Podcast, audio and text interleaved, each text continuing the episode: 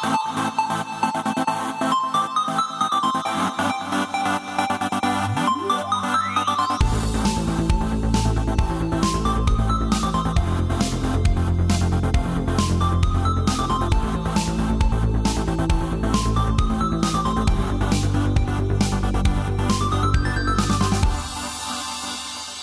Jaha, välkomna till Nördliv, en osensurerad, oklippt och fantastiskt nördig podcast om spel och allt möjligt. Eh, idag är det den 22 i fjärde när vi spelar in det här, 2023. Jag heter Fredrik, med mig har vi Emil och Matte och eh, det är lördag idag när vi spelar in. Och eh, vad, gör ni, vad har ni gjort på dagen egentligen? Emil, om vi börjar med dig. Jag har varit ute på två joggingturer för det är faktiskt varmt ute. Det är ju varmt och skönt äntligen. Ja, jag kan Ah. njuta av det. Så det, det är typ det jag har gjort. Jag, Men du vet problemet är att om du är ute och joggar så mycket och du är så här smal redan nu. Det kommer ju vara så här, vart är, vart är Emil? Ja men om du kollar bakom lyktstolpen. jag, jag känner att jag har lite jag lagt på mig som jag, jag kan ta av Okej. under vintern. Ja, okej. men, Vet du vad, det är inte så ovanligt. Det är inte så ovanligt under vintern. Jag har också satt på mig en del så att, eh, men eh, Matte då, vad har du gjort under dagen? Jag har suttit framför datorn och, Vet du vad, det är spelat. inte helt fel heller. Ja. Jag har, inte, Och du har ju det spelat ett spel som vi kommer kanske ta upp sen. jag har inte bara spelat ett spel kan, Nej. kan jag säga. Och det har väl sin förklaring varför det är spel Mm. i plural i så fall. Gossen har plöjt. Plöjt plural. Ja, jag har faktiskt varit i lite av ett plöjar-mode. Eh, så. Eh, för att jag har behövt att göra det lite kanske. Jag Mhm. vet inte. Ja, Ibland har ja. man sådana perioder. Ja, Det går ju upp och ner sånt där. Ibland så är man såhär, åh, jag orkar, jag orkar. Man sitter där, jag orkar knappt titta YouTube, då är det fan Mm. illa. Men, Mm. Och sen ibland bara, åh, jag måste göra det här, jag vill göra det här, jag vill titta det här, eller du vet. Det går verkligen upp och ner. ja. Jag är inne i mer en så här, okej, nu är det fint väder, ut på altan och slipa skit. Du har varit så extremt manlig idag alltså. Ja, ja, ja, jättemanlig. Oj, oj, oj. Jag bara, nej men varför funkar inte den här Lotta? Åh, jag är så våt. Lotta! Nej men det har gått bra. Jag bara, vi köpte en eh, vägg och takslip först igår och den funkade bra för större ytor. Men det, är ju lite, det går lite upp och ner i plankorna. De är lite mindre än vad den stora slipen klarar. Så jag köpte en bandslip idag i morse då. Och så har jag suttit på huk. Timme eh, ut och timme in. Eh, och sett ut så här i mina shorts och eh, Adidas-linne. Mm. Och, och grannarna bara, ja det var det äckligaste jag sett på ett halvår. Kom, Eh. kom de fram och sa det till dig? Ja, ja, de gick fram till mig när jag satt på huk och sa det in i min stjärt. Och sen gick de. För det var det enda man kan se tror Ja, jag. de, de tänkte att den, den här personen ser ut som att han har sina hörselgångar i analöppningen. Så då är det klart Precis. att vi... Hörselgångar, då. Vet ni vad, nu ska vi inte prata om hörselgångar i analöppningen och vad vi har plöjt i plu- plural, utan vi ska, eller ja, det ska vi ju indirekt sen. Men vi, ska, vi kommer prata såklart lite vad vi har spelat och sett och så, det kommer vara allt möjligt från Loop Hero till uh, Thief Simulator, nu tar jag bara läser högt och först, det är lite blandat här. Dead Island 2, Crime Boss, Rocky City första intryck och så lite film på det och ehm, och smått och gott. Mycket mums göms dig under ytan. Så vi får se hur mycket vi hinner med. Men självklart kan vi ju lika gärna slå igång med lite nyheter och det är ju två veckor. Två veckor går snabbt och på två veckor missar man säkert jättemycket nyheter. Men vet ni vad, jag tar och slänger igång här så får ni fylla i om jag har missat något eh, sen. Ehm, först har vi en liten ehm, rykte då. Jag vet inte, det är många gånger som Danny är med bara, varför skulle du ta med ens rykten? Ja men det är kul bara att spekulera och vara en idiot ibland. Ja, jo. Eh, Riktigt intressant.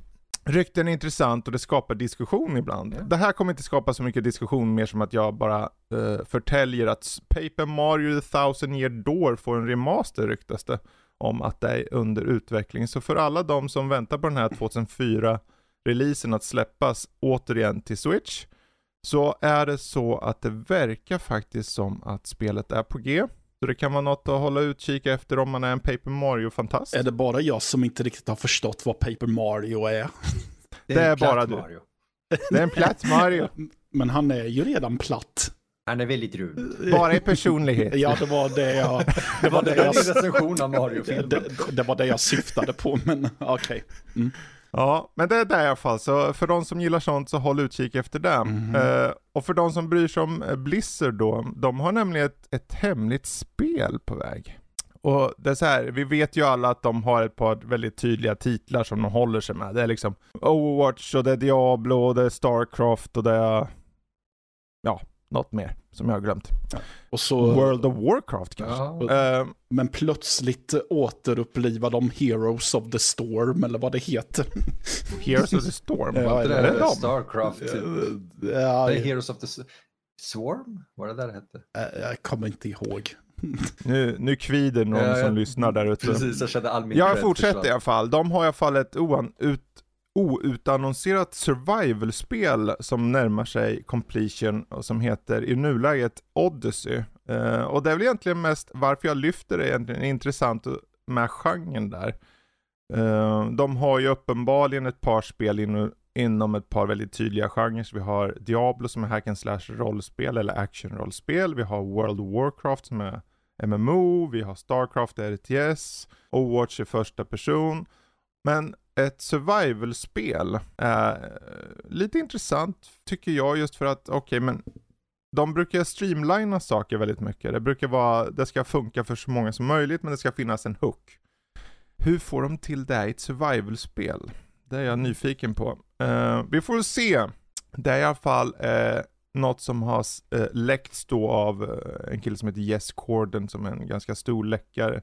Ja, Eh, jag, jag personligen hoppas ju på en, eh, ett eh, survival-spel i Blackthorns universum.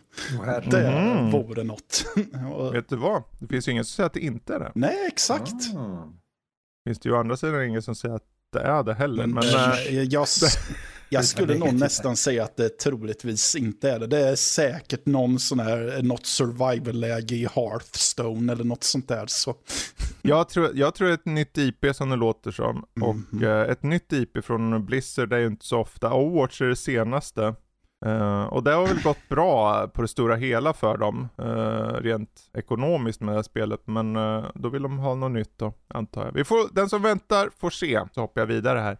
HBO Max byter namn till Max. Just det. Jaha.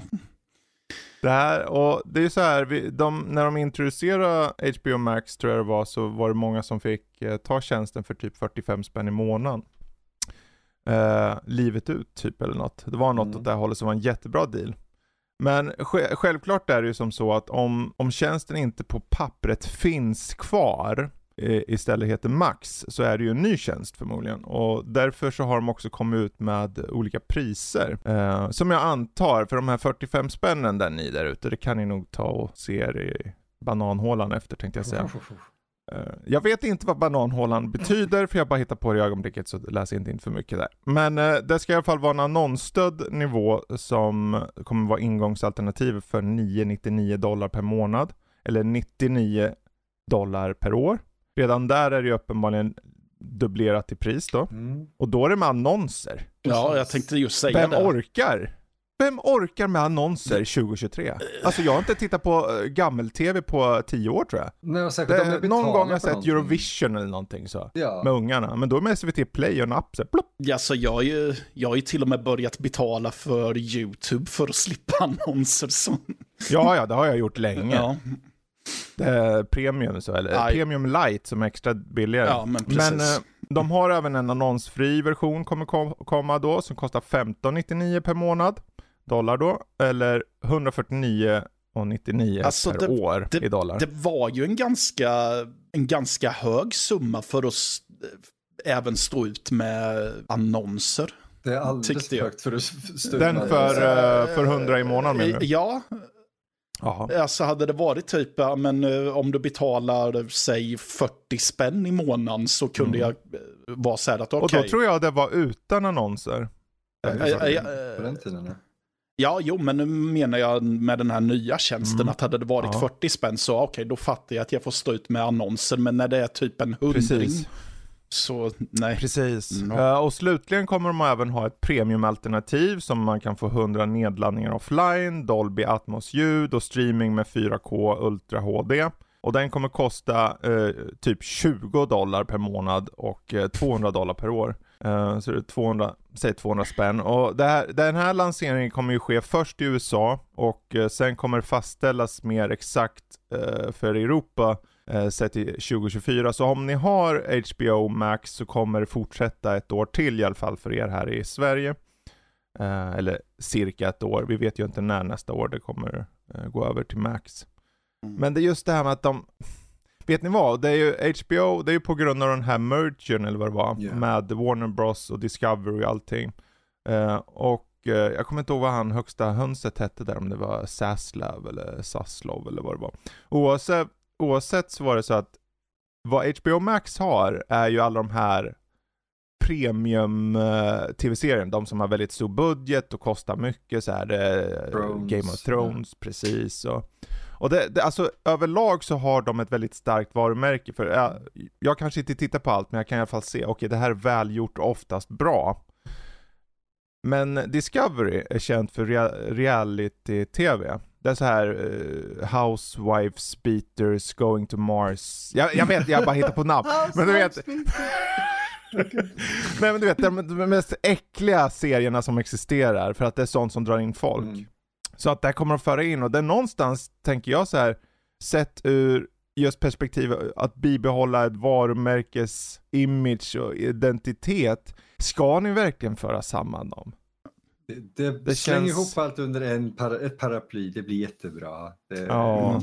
det är bara content nu. Det är det. Jag gillar inte ordet content, men Vem, vem bryr sig om värdighet år 2023? Precis. betala och konsumera bara. Ja, ja. Ja, oavsett, ni som har det idag, det är bara att vänta, ni kommer fortsätta kunna använda som sagt ert, eh, i alla fall året ut troligtvis. Ehm, och vad gäller innehållet, ja, alltså det blir mer innehåll och det kostar mer. Sen att saker och ting går upp i pris, det är väl inte alla de här har ju börjat, Disney började ju så också först med att det var jättebilligt först, så att de kunde lära sig hur de skulle släppa content och bla bla bla. Och sen så vet man ju att de kommer öka priserna och här har de nu i alla fall sagt till att om ett år, då smäller det till för er i Europa medan ni i, Amerikat, ni får dra eh, och suga på den karamellen redan nu. Det som gör att det kanske svider lite mer det är ju att dealen var ju att det först skulle vara livet ut, att du bara betalar Mm. 45 spänn i månaden. Men Matte, det var Mm. bara juridiskt sett för den specifika grejen. Ja, jo, jag fattar så- att det är Som så, men... Fredrik sa, om den inte finns kvar. Ja. Mm. Ja. ja, jo, jag fattar, men... Sen är det så här, även i det sammanhanget så skulle jag vilja läsa de där klausulerna, Ja. för livet ut är väldigt magstarkt så här. Vem kan egentligen hålla det? Även om Ja. det hade haft kvar samma namn. De skulle ju behövt höja priset för så här, när 80, år- 40 år i framtiden, man kostar 40 spänn. Då är det ju ganska otroligt. Men då hade de säkert hittat något sätt, vet du. Garanterat. De små ormarna. Ja, ja, De små ja, ormarna. Ja, jag förstår att det upphävs, men eh, att det kan upphävas, men eh, det, det är fortfarande väldigt skammy. Oh ja, det, alltså, jag. det är det. Hela absolut. industrin är ju full av skam och scams liksom. Ja, Absolut. jo, jo. Mm. Uh, apropå skam då. uh, Conjuring från TV, eh, tv-serie. Enligt James Wan och Peter Safran då som styr mycket av det där där borta. Eh, en dramaserie sett in the, eh, the Conjuring Movie Universe. Och det är så här, alltså jag kan se de här spin-offerna som en liten kul kuriosa grej. Som att okej, det är kul att de finns. Någon gillar en nunna och någon gillar någon kvinna i, vad fan var det? S- S- Sydamerika eller vad fan det var? Ja, Lorna, eller... La Llorona. Eh, ja. Eh, men att göra en tv-serie så här, ja men nu... Ja ja. Det, det är ju inget nytt att allting får en tv-serie idag. Ska det alltså vara typ ett uh, hemmadrama med paret Warren enbart? Ja, vi, det är inte ens satt att de är med faktiskt. Nej. Men, men det känns lite som... Jag, jag... Men det är ingen officiell casting alls alltså. Så att det är inte att de, de, de kan vara med, Mm. men det är inte satt varken bu eller bä där. Men det här är ju, jag har jämfört innan med att det här är min eh, MCU, liksom Conjuring-universumet. Eh, just för att jag tycker det är så härligt korkat när det blir så stort och uppblåst och... och, jag, Och det började relativt liksom lågmält Ja. i första tyckte jag. Exakt. Men så är det ju med allt, liksom. det börjar lite sådär och sen bara exploderar och blir en stor grej. Och sen Precis. fick vi Annabelle 3. Eller vad den är fantastisk. Ja, ja, men av... Trean? av, Yes. he- av he- Jag tycker om tvåan mer. Den som Sandberg gjorde. Ja, men den är en bra Ja. skräckfilm. Ja. Eh, Medan trean är så här, där, där har de råkat slänga ihop manuset tillsammans med Avengers eller Ja, någonting. Och bara okej, precis. vi har alla de här demonerna som blir lösa. Och låt oss göra en grej av det. Ja, Den var så hysterisk. Verkligen. Ja, jösses. Men vet du vad, jag hoppar vidare med en ytterligare en jävla spin-off här. Eh, The Big Bang Theory får en spin-off till. nej. Så de som gillar den där serien som gick i 12 säsonger Eh. kommer kunna få ytterligare mer att mumsa då. Ehm, den, är det den här som heter Young Sheldon som var en spin-off? Ja. Den var också en spin-off ja. Ja. Jag har inte orkat sett ett skit det för jag tycker den verkar så jävla moralkakeäcklig. Ja. Jag hatar moralkakor i min... Jag vill att det ska vara bara livet och sen ska folk ha jobbigt eller något. Eh, och allting med, vad heter den där sopan? Eh, Kevin James. Du vet King of Queens och sånt där gammalt Äh, sitcom. Ja. Fy Nu ska vi inte bli såna. Eh, nu ska vi inte bli såna. Oavsett, det, det, har inte utannons- eh, det har inte sagts något mer egentligen uh, huruvida det innehåller de här originalskådespelarna från uh, riktiga serien inom så att säga. Eh, utan att det bara ska komma en spin-off. Och man kan väl gissa då att det potentiellt handlar om eh, deras liv i efterhand, eller barnen, eller eh, hunden, eller katten, eller grannen eller någonting. Ni vet. Så, Något sånt där fånigt, bara för att få dit namnet. så våran kultur har inte mjölkats tillräckligt redan i 12 säsonger på ett lustigt sätt. Ja. Utan nu får vi en Det är intressant med just det här, för det, det är kul du säger det, för vår kultur är ju allas kultur Exakt, idag. Absolut. Det är en så mainstream-kultur så att idag, det här är ju bara jag som spånar, spekulerar och tänker, tänk om någonstans är det fem nördar som trycker in en jock i ett skåp och säger du får fan inte komma ut förrän du har gjort mitt, eh, den här hypotenusa-talet här va. Eller något. Eh, Det, man vet aldrig. Det vill jag Det säga. kanske har blivit så. Jag har ingen aning. Jag hoppas inte det är någon mobbing, för jag är emot mobbing. Alla är vi emot mobbing. Var inte Big Bang Theory också väldigt mycket, var det inte de som såg till att nördkultur och så kom upp mer till mainstream också? Jo men det är ju exakt det. Ja. Ja, men de, Precis. de gjorde det så extremt ytligt att det kändes till slut som en parodi på saker vi tyckte om, eller så, i Ja, alla fall det- jag tyckte om. Det, det var ju... I början var den ju relativt sp- spot on. Mm. De första säsongen eller första två, tre. Men sen är det så här, ju, få, ju mer det blir mm, Alltså ju fler säsonger desto ur, mer utvattnat blir det Mm. tyvärr. Och, och sen är det bara som en, en ett skimmer av en yta av nördighet som egentligen är något annat under. Och det funkar inte tyckte jag. Nej, det blev Så, lite nej. som, eh, alltså det blev referens, haha det är kul för att det är en referens. Mm, precis, och så skulle de få någon så här cameos och sånt. Du, Och så var det haha, kolla. Ja, ja, ja, ja, men det är vad det är. Det är vad det är, så hoppar jag vidare till en till. Suicide Squad, Kill the Justice League. Officiellt försenat till 2024. Jag, s- ja, jag såg det här om dagen när jag tittade på våran spelrelease-lista och konstaterade att jaha, är det 2024 nu alltså? Mhm. Det var värst. Är det första förseningen de har eller är det? Det där är intressant. Jag, jag kommer inte riktigt ihåg om det har skjutits på innan. Jag tror det. Mm. Men vad det hade gjort var, det hade, hade ju ursprungligen ett utgång, eller releasedatum nu i Mm. maj, Mm. tror jag det var. Eh, men det kom ju läckor för ungefär ett par veckor sedan som sa att det kommer skjutas upp lite grann, eller ett par månader, eller kanske till sista halvåret. Men de gick aldrig ut och dementera eller kommentera eller någonting. De var helt tysta bara. Och det är så här. Det var en ganska pålitlig läcka, för det var Jason Schreier på Bloomberg Oh, fan. Eh, om jag minns rätt. Och det är liksom, det, high, det är den högsta liksom. Mm. Om han har läckt det, då är det med 99,9% chans att det sker. Sen kan saker och ting hända i, i företaget om ändrar saker. Är, är det för att han brukar ha, ta en kaffe med alla spelhöjdare och som, eh, be, spill, som spiller bönerna till Vet du vad, det är nog inte så långt ifrån, Nej. för han har väldigt många insiders. Okej. Eh, Mm. eh, oavsett, det, det kommer upp, uppenbarligen inte nu eh, i år, och eh, i och med att de inte kommenterade någonting så tänkte många att ja, men det kanske blir försenat till slutet på året. För det vart ju ramaskri när det visades upp, för att det liksom, det är four player co-op, Du har Harley Quinn, du har någon boomerang-snubbe, jag glömmer bort vad han heter. Captain Boomerang. Captain Boomerang. Sure. det är ju Och sen är det. Deadpool, Dead Spool, Dead Kong eller någonting. Någon snubbe som också var med, han med något öga som spelades av Will Smith i första filmen. Eh, Deadshot, Ja. så heter han. Och sen Hajmannen. King Shark. King Shark. Nej, nej, Hajmannen, officiellt. Hajmannen. Och det är så här, då tänkte man, för det här är ju varför det var ramaskri. För om jag ska vara helt ärlig, det är inte som att man kollar på spelet när det släpptes gameplay och tänkte jaha, det här ser dåligt gjort ut, det ser ut som en streckgubbe. Alltså det såg okej ut. Men att det var så jävla live service Ja. och att till och med alla bara använda enorma puffrar, till och med Hajmannen. Ja. Då var det så här, alla beklagas, men varför gör ni ett live service-spel? Och kom ihåg, det är Rocksteady Studios, alltså de som gjorde Batman Arkham-trilogin. Den, go- den bra delen av Arkham-spelen där. Så vad, vad håller de på med? Men uppenbarligen, då har de skjutit det till 2024 och närmare bestämt den, nu ska vi se, 2 februari. Så de har ett datum. Men jag så här, de fick backlash och de skjuter på det. Vad är det de kan ändra tror ni? Ännu mer live service. Det, det är ju antingen, ja, beroende på... De går åt det hållet! Ja. Vilken jävla överraskning det skulle vara. Nu med mer live service, vi hörde vad ni sa. Vi kör all in! Men det känns som att om det är så här, saker de får från, det måste ju vara från Warner Brothers det kommer. Eh, som säger att okej, det här är det ni ska göra. Och Rocksteady bara, fuck it, okej, vi gör vad vi ska göra.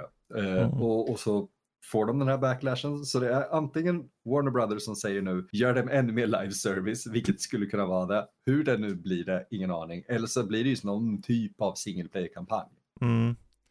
Ja, det skulle ju vara singelspeligt, men uppenbarligen är det gjort för co-op. Mm. Så att om de är, precis som du säger, kanske de lutar in i det. Men jag tror att de kommer... För de kan inte göra om spelet. Det här spelet har varit under, under utveckling i 6-7 år. Mm. På ett halvår eller å, vad nu det här är, de kommer inte ändra grundmekaniken i hela spelet. De Det- kan inte göra Det, det. det skulle ju vara kul om Rocksteady inför den här, den här uppvisningen hade överdrivit live service-featuresna. För att bevisa för Warner, Warner Brothers att det här är en jättedålig idé. Vet du vad? Det, Mm. det vore ju kul om det vore så. Ja, det, jag, jag, Men, eh, jag vill att det ska vara så. Jag skulle kunna tro på att Rocksteady skulle kunna göra det, men jag, jag, jag är för cynisk för att tro att det vore en grej Eh, också. jag, Ja, men alltså de har arbetat i så många år. Skulle de ha gjort det för liksom koll? Det känns som en gag bara om de skulle ha gjort så. ja, jo. Ehm, oavsett, jag tror att potentiellt det tillvägagångssättet de tar, nu, nu är det bara ren spekulation, det är att det vi såg i den där trailern var att när de skjuter i så live service och det bara flyger siffror på varje monster du träffar, så här, 3000 skador, 10 000 skador, du vet som en live service eh, action Mm. de tar bort det och gör det osynligt. Samma effekt kommer vara i bakgrunden, allting, men de kommer tona ner allting som ser ut på ytan som live service. Men det kommer säkert, det kommer ju vara live service. Jag, tr- jag tror, om jag ska få spekulera, att de kommer gå det hållet. Att de kommer tona ner det visuella i live service inom situationstecken och eh, säga, men kolla, nu Kolla vad fint det är. Det är inte en eh, snuffra så långt ögat kanon. Snuffra. De har istället en puffra som skjuter siffror. Ja, exakt. Precis. Så att, ja, det är tråkigt. Och det är så här Rocksteady, jag tyckte så mycket om första och andra Arkham-spelen, men... Och så gör de ett live service-spel. Ja, men så är det. Och vi får vänta till 2 februari så får vi se om det är skit eller vad det är. Så hoppar jag vidare till någonting som ni kommer sitta och och gäspa åt nu, för nu, nu kommer jag gå in på lite så här hårdvarurelaterade saker. Så håll i hatten nu. Matte, vi hoppar till en annan kanal Va- så länge. Vi hoppar till en annan kanal, jag har fått nog av den Var, är min kudde någonstans? Var är min kudde? Nej men det är så här, jag, jag kommer gå in på två spel och deras eh, systemkrav och då tänker ni onekligen, ja okej, skjut mig. Eh, nej. Eh, det första är The Lord of the Rings Gollum som fick PC-spec sist. Eh, det, det är kanske någon vecka sedan. Och det jag slogs av där var att eh, det ser ut att vara sjukt tungt för ett spel som ärligt talat ser skit ut på vissa sätt. Mm. Alltså ärligt talat, alltså miljöerna fine, Mm. men karaktärerna ser ju lite ut som uh, några hillbillies från, jag vet inte, Arkansas liksom så. Det, det ser lite off ut. Va- Vadå, är inte Tolkiens karaktärer hillbillies? Uttryckligen inspirerade han. Ja, oavsett. Systemkraven här då är att på eh, rekommenderade så kräver de ett så kallat RTX 3080 med DLSS-kvalitet. Och DLSS är ju tekniken som skalar upp. Det vill säga, det, det, det använder du om spelet är så pass krävande att du inte ditt grafikkort klarar det. Så att du istället kan skala upp och få mer FPS. Han tar till exempel från 1080p och så skalar han upp till ja, nä, nä, en eh, upplösning ovanför. Och på det här sättet så är det egentligen 1080p men det ser ut som 1440p. Till exempel. På det sättet så får du FPSen av 1080p. Mm. Men att de har den med i systemkraven på rekommenderat känner jag, det var ju lite udda. Tycker jag. För eh, okej. Hur är då systemkraven på minimum? Det här är alltså det lägsta kravet på spelet. Det är 1080-kort. Alltså du, eh, för referens, du Emil har ett 1060. Mm. Det betyder att det här är det lägsta eh, nivån för att köra det här spelet. Och då om ni tar och vänligt bara hoppar ut och kollar några bilder på det här jävla eh, Lord of the Rings Gollum. Och så här, visst har det väl lite fina miljöer men inte är det väl så snyggt. Det är ju inte Forspoken som kom eller Returnal eller Hogwarts Legacy som är så jäkla krävande. Utan det är ett mer ordinärt spel tycker jag det ser ut som. Det ser inte fult ut så men det är mer så här. Tar det verkligen så mycket kraft? Alltså, Jag tycker det mest är udda. Och varför jag tar upp det här och eh, nästa spel är egentligen lite av en, på, på både sätt, eh, en skönhet med PC för mig. Men vi kommer till det. Men också en nackdel. Ehm, men det här spelet i alla fall, det kommer 25 maj, det kommer till Playstation 4, 5, Xbox One och Series X och SX och sen ska det komma någon Nintendo Switch-portning någon gång senare under året. Eh, och det är just ett tecken på att vi rör oss mot tuffare spel som kräver mer, vilket för oss in till min sista eh, sak, eller näst sista.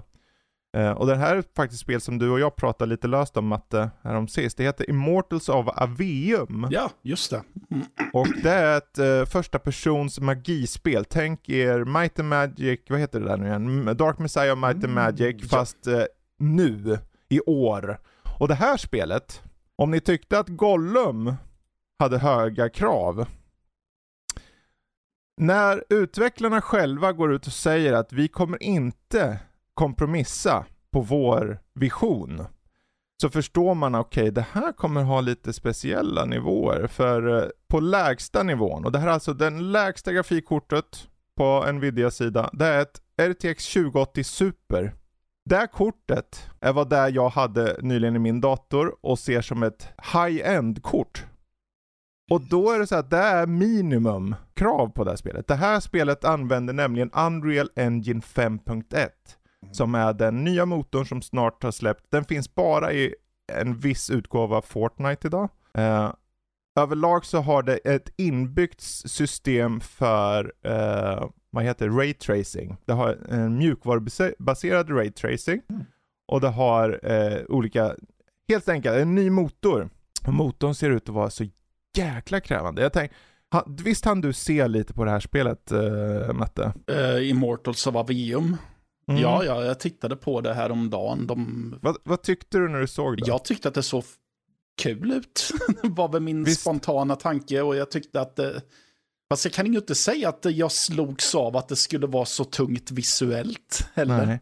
Nej, visst. Mm. För, eh, citat då från dem, och jag läser på engelska för det är så de säger jag har inte orkat översätta det.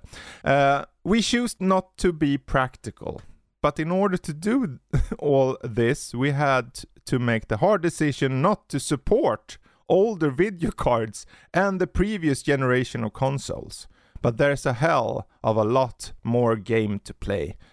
Och så kollar man på systemkraven och minimum för er där ute som har lite koll på eh, hårdvara och sånt. Eh, processor eh, i7 9700 eller en AMD Ryzen 7 3700X. Det här är minimum, återigen.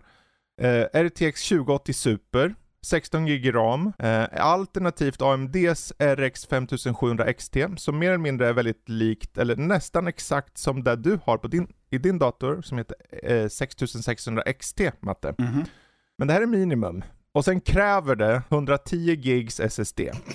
Och det är 1080p, 60 FPS low medium settings. Va, om det då är minimum, då ska ni se kraven på, på rekommenderat. Det, det säger inte, det, och då är rekommenderat 1440p 60 FPS medium high. Det här är medium high. Så du ska ha en uh, i7 12700. Den kom ut i fjol. Alternativt AMDs 5700X som är en väldigt uh, fräsch uh, processor. Båda de är processorer. Och grafikkorten, det här är alltså rekommenderat för medium high. En RTX 3080 Ti. Det här kortet kostar runt 12-13 papp. Alternativt eh, ett RX 6800 XD från AMD. De här kraven är ju otroligt höga. Och då, då, då tänker jag så här, men hur många kommer spela det här? Hur mycket kan ni sälja spelet då? Jag vet ju att det kommer släppas på Alltså, jag, jag sitter ju här och funderar på om jag bara av princip enbart ska spela små indie-titlar och retrospel nu igen. Ja, han börjar bli som mig, den cyniska fan. Det här jag kommer in, tro det eller ej, med lite positivitet mm -hmm. i det här. För tro det eller ej, så, så är, är jag lite glad av att se det här. Bear with me. Det är så här, i många, många år så har ju PC-världen eller allting har förts samman. Konsolerna har gjort så att eh, nivåer har sänkts och vi har behövt följa det. Och det tycker jag är bra. Det betyder fler spel åt um, fler människor. Men en gång i tiden kom Crisis. Och Can It Run Crisis var en måttstock uh, i det, att man sa det om någonting som liksom pushade the envelope. För att PC var i regel det. Och det här är exakt, där kommer min nördighet in i det hela. Jag älskar att se den här utvecklingen, när de plogar fram en väg som gör att, okej, okay, det är få som kan följa det.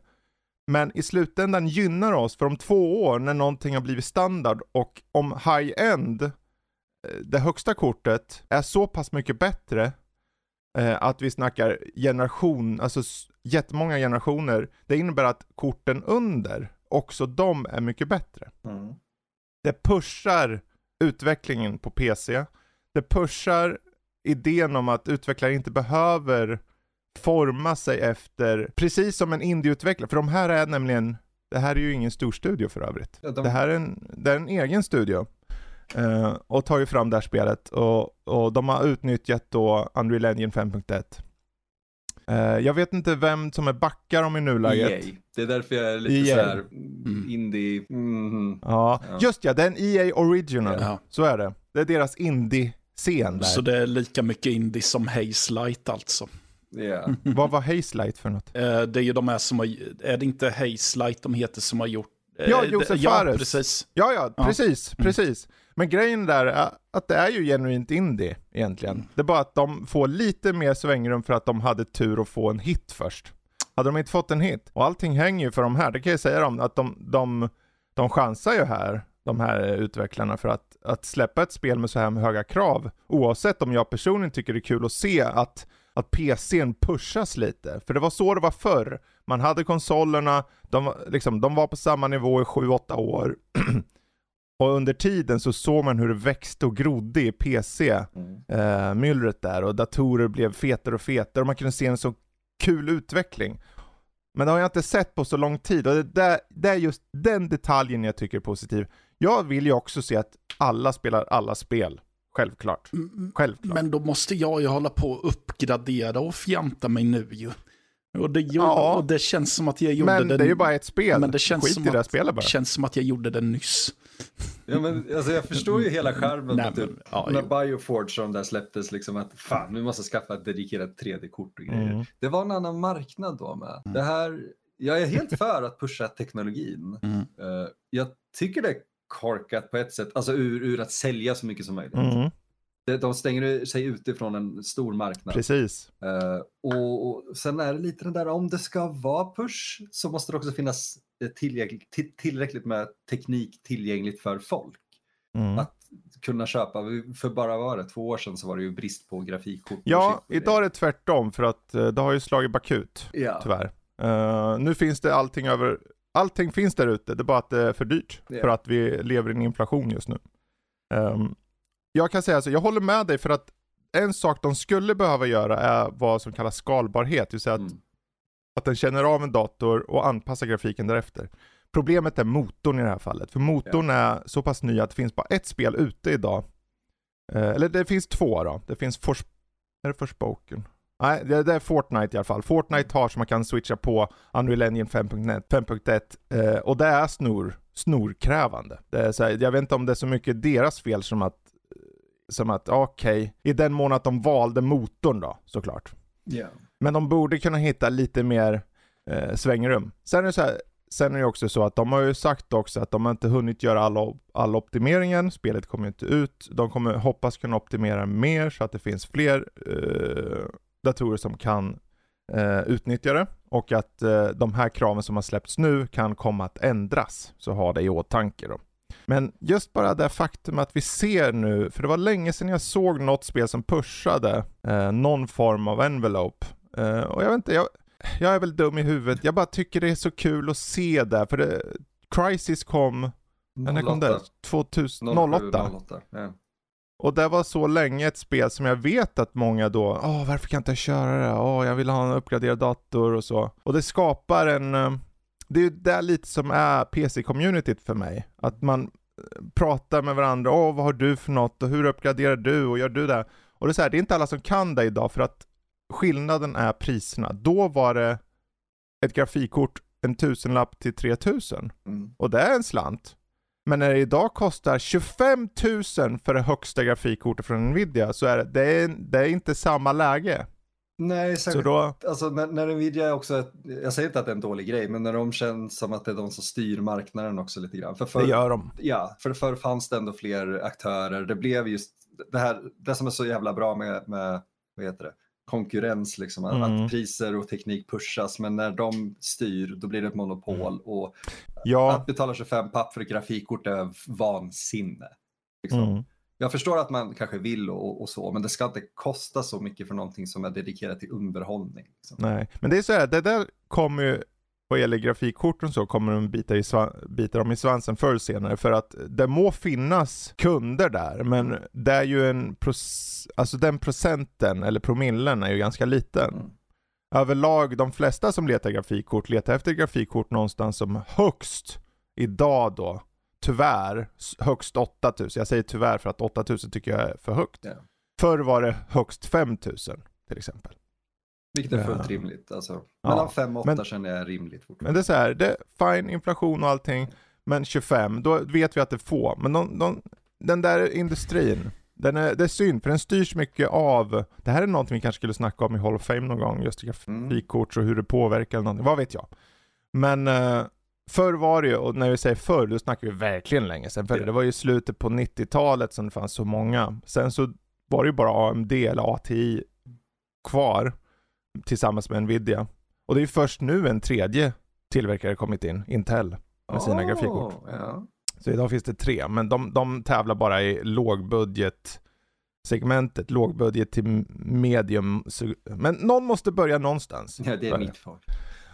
Så, men jag hoppar vidare nu så vi inte tråkar ut folket där ute och istället lite glatt i min sista här. Det är inte så mycket nyhet som det är bara en observation av den här Super Mario Bros-filmen. Mm. Uh, den har tjänat in 725 miljoner dollar. Mm. På, vad är det, två veckor? 17 dagar. Mm. Uh, och uh, det är väl inte en fråga längre huruvida det kommer en uppföljare, utan när. Någon sitter redan och skriver på. på den. Ja, ja. Oh ja, oh ja.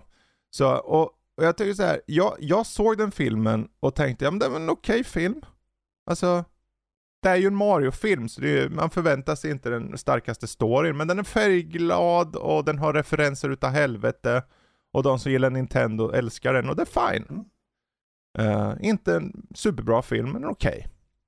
Det var nästan uh, man hade kunnat hoppas på. Ja, ja. Men det är såhär, Nintendo var med och de var med och hjälpte till så att den har blivit så som de vill ha den. Så de är nöjda också och uppenbarligen så går folk på den. Precis som att folk går och ser Transformers. Mm. Anywho, nej det var en dålig, så, så illa är den inte. Nej men jag tycker bara så här, okej okay, om det nu är så att eh, det har gått så bra med det här så är jag nyfiken vad ni tycker angående andra IPs från Nintendo. För att nu är det bara en tidsfråga innan andra Ninten eh, IPs från Nintendo dyker upp i film eller kanske till och med tv-seriesammanhang. Och då är min fråga lite spontant sådär, sätter det på pottkanten. Finns det någon eh, ja, spel som ni känner initialt, ja men det här kanske den skulle göra till en, uh, en film eller en uh, tv-serie? Lilat Wars eller ja, Star Fox som en anime. Som en anime? Ja, Mm. I stil som Castlevania. Mm. Det, det är typ det jag känner är så här, det, det klickar för mig. Det var det Mm. första som dök upp och det enda jag känner är så här, det, det jag vore intresserad av. Absolut. Det var intressant. Ja. Jag har faktiskt inte så stor koll på eh, Star Fox. Eh, Det är lite deras underdog, vad man ska säga. De har inte, Mm. varit, de har inte behandlat Star Fox väl de senaste tio åren. Så. Okej. Vad tror du då Matte? Har du koll på något, eh, du, eller känner någonting särskilt som du skulle vilja se? Eh, som Nintendo gör någon film eller liknande av eller vad. Mm. Nej, jag vet inte om någon jävla anledning så den titeln som dök upp i huvudet var, vad heter det? The Adventures of Bio Billy eller något sånt där. Du går tillbaka Bio till Billy? 90, eller 80-talet ja, och, och Konami tror jag till och med. ja det, det, man spelar som någon eh, sn, eh, snubbe som eh, bor i Bayern i New Orleans och ska rädda sin älskade från någon dumming. Så man går runt och spöar folk i träskmarkerna och det är väldigt svängig musik. När man kastar kniv och grejer tror jag.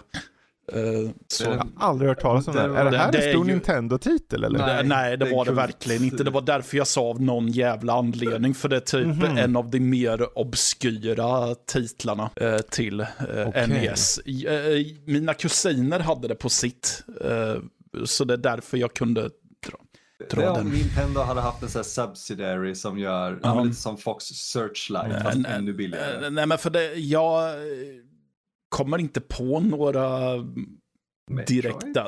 Ja, Nej, nej. ja Metroid skulle, ja kanske. Ja, Metroid. Ja. Fast det vill jag också ha som en anime. Ja. Jag vet inte varför. Eh, M- Mega Man kanske. Alltså det kan ju lika gärna, FYI, det kan ju vara, de gjorde ju tecknat nu uppenbarligen den här Mario. Det kan ju vara live, live action, det kan vara anime, det kan vara vad som helst. Ja, jo, Ehm. men det, det är bara det att jag fick nästan en... eh, Ja, Ice Climbers säger vi. Oh. Ja, kanske. ja. Eh, jag funderar på, alltså uppenbarligen gör de ju en uppföljare först. De kanske gör Luigi's Mansion, de kanske gör en film om Peach till exempel. Eh, Att, och Donkey Kong var ju väldigt eh, förekommande i den här filmen också, så att varför inte göra en film med bara honom? Ehm, men efter det så är det så här, okej, jag, jag funderar på, nu kommer den här lite företags-corporate-äcklet in Det är bra. i bilden. För jag tänker, okej, om du är, om du är, vilka är det som släppte den? Illumination och då är det indirekt, vilken studio? Det- Universal? det- Jag tror det är Illumination som är studion och Universal som släpper va? Ja. För Universal tänker, okej, men vilken franchise av alla IPs ni har får mest, har tjänat mest pengar? Mario har tjänat 826 miljoner dollar över sina franchises. Och då inkluderar det Super Mario själv och Super, eh, Mario Kart, Mario Party, Mario Sports och Mario RPGs. Mycket pengar. Så uppenbarligen är Mario det kändaste och det är ett bra val att börja där. Och då för det var intressant ni sa, du sa, eh, vad sa ni, Metroid? Ja, jag, Metroid och Star Fox. jag tror att jag kom på eh, att det kanske blir en Vario-film istället. Ja, det vore ju Ja, fantastiskt. Mm. det är intressant för den har tjänat in, hela IPet Wario har tjänat in två, 22 miljoner. Ah. Till skillnad från de 826 miljoner som Mario. Okej. Så jag tänker, om Mm. du är en sån här big boss som sitter och kollar på siffror bara. Skulle du gå på en Wario-film då? Det, vi skulle inte få Wario, Mm. vi skulle inte få Metroid, vi skulle inte få Star Fox. Nej, jag tror inte det heller. Nej, men så vad, Men- vad blir det då? En, eh, blir Zelda. det Zelda då eller? Men- Zelda ligger närmare här. Den har 135 miljoner sålda. Eh, så det, det, det är en bit ifrån, men det är, Det- Zelda är ärligt talat mer nischat. Ja, Eh, Ja, och dessutom menar- säger han ju inget egentligen, Nej. så vad, vad, hur gör du det på ett snyggt sätt? Alltså, Vi kan inte. TV, den tecknade serien finns ju redan. Vi pratar inte om den. Åh, snälla. Gå och se den alla där ute så spyr Eller jag menar spyr ni. Eller lyssna ja, på eller menar. Kultpoddens avsnitt om det och spy. Ja, för fan. Gör det istället. Det är mycket bättre. Eh, för jag funderar på, undrar om de kan, undrar om de skulle vara så dumma att de försöker att nå Super Smash. Jag har en känsla av att de redan tänker det med hur framgångsrik och alla referenser Mario-filmen är för Ja, för det, varför jag säger dumt är för att som, som film så ser jag ju ingen berättelse i det. Så här, okej, hela poängen med Super Smash, för in varenda karaktär ni har, ta, har och bara mosa in det och låt du dig välja de här. Och de är liksom, det kan vara eh, Solid Snake möter Pikachu. Det är så här, det, vad, är, vad är rim och reson?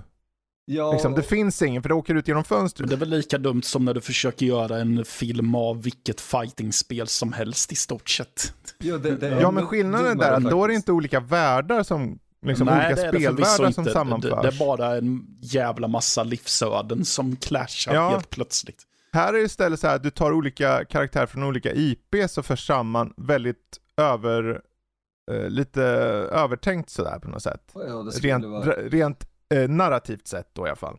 Som spel funkar ju, men- narrativa, inte narrativa, utan just den juridiska jävla mardrömmen med rättigheter gällande den typen av media också. Mm. Ja uppenbarligen kommer de inte kunna ha med kanske många av de här andra karaktärerna som, Roy. de kommer inte ha, de hade ju med Minecraft Steve och de hade med, pff, jag kan inte alla de där, vi skulle haft med Jesper för det, jag, jag är inte så insatt. Men jag, jag bara föreställer mig att de gör en så här, ja först gör vi Mario va, den har gått bra, och sen gör vi Luigi's Mansion, och sen gör vi Peach, och sen har vi typ som Marvels Avengers Ja. fast det är Super Smash Bros. Och så möts alla upp, och sen kommer Kirby in, och han bara äter upp rubbet, och sen är filmen slut. Bra, du jobbar som DC gjorde, perfekt. Fan. Kirby. Kirby vore Oj, kul oj, oj. ändå. Det tänkte jag inte ens på, men, men det är ju också det finns, ing, det finns mer story i Kirby, än vad ska säga, mer, nej förlåt mig, inte mer story. Det finns mer personlighet i Kirby än vad det finns i Link i alla fall. Ja, Link är väl hela idén att han ska vara lite identitetslös så Ja. att du bara placerar dig själv i den. Och medan Ja. världen är mer fylld av iden- identitet. Mm. Ja. Men Luigi's Mansion, där hade jag älskat att se någonting. Ja. Jag tror den kommer, jag tror det kommer vara en av de närmsta. Okej, cool. Tror jag. För att eh, det de anspelar på det. Det är ett hel del i filmen som mer eller mindre är väldigt eh, Luigi's Mansion light. Så att det känns som att okej, de, de sniffar på det, så varför inte? Eh, men det är just det här, okej, eh, vi är inne i den eran när spelfilmer inte jag skulle inte säga att den är kritikerrosad, men jag skulle säga att den går väldigt bra. Förr var det att saker bara bombade. Eh, och de bombade stenhårt. Men eh, 725 miljoner dollar säger att de inte har bombat och då är det bara någon vecka in. Så att eh, den kommer förmodligen nå en miljard som det ser ut. Ja. Så bra, där får jag sätta punkt för min del. Nu har jag orerat utav helskotta så får vi se om ni har någonting eller om ni ens orkar lyfta något. Jo, jo, men på tal om spelfilmer så kan jag ju faktiskt slänga in en av mina nyheter där då. Mm. Det är ju att uh, Markiplier, känd från YouTube och så för sina härliga Let's Plays, han eh, släppte faktiskt häromdagen, eller igår till och med tror jag, en eh, teaser-trailer på sin första eh, långfilm. En långfilmsdebut där han spelar huvudrollen, han har skrivit manuset, han producerar och han regisserar dessutom eh, en eh, film baserad på indiespelet Iron Lung. Mm. Det- Vad är det för spel då? Eh, Ja, Matte, förklara. För det... D- d- det, ja, det utspelar sig ganska långt in i framtiden och man är en ensam snubbe som skickas för att leta efter förnödenheter, typ i ett Mhm. hav Ja, Matte, slag. Matte, Matte missar, Ja. alla coola grejer. Eh, Ja, du, jo. du är en fånge som skicka, Ja. skick, skick, Så skickas är det, ner på ett blodhav på en av Mars månar. Så är det, ja. de- ska scouta och se vad finns det här under. Eh, Mm. Och de skickas ner i då en så kallad Iron Lung i deras Mm. värld.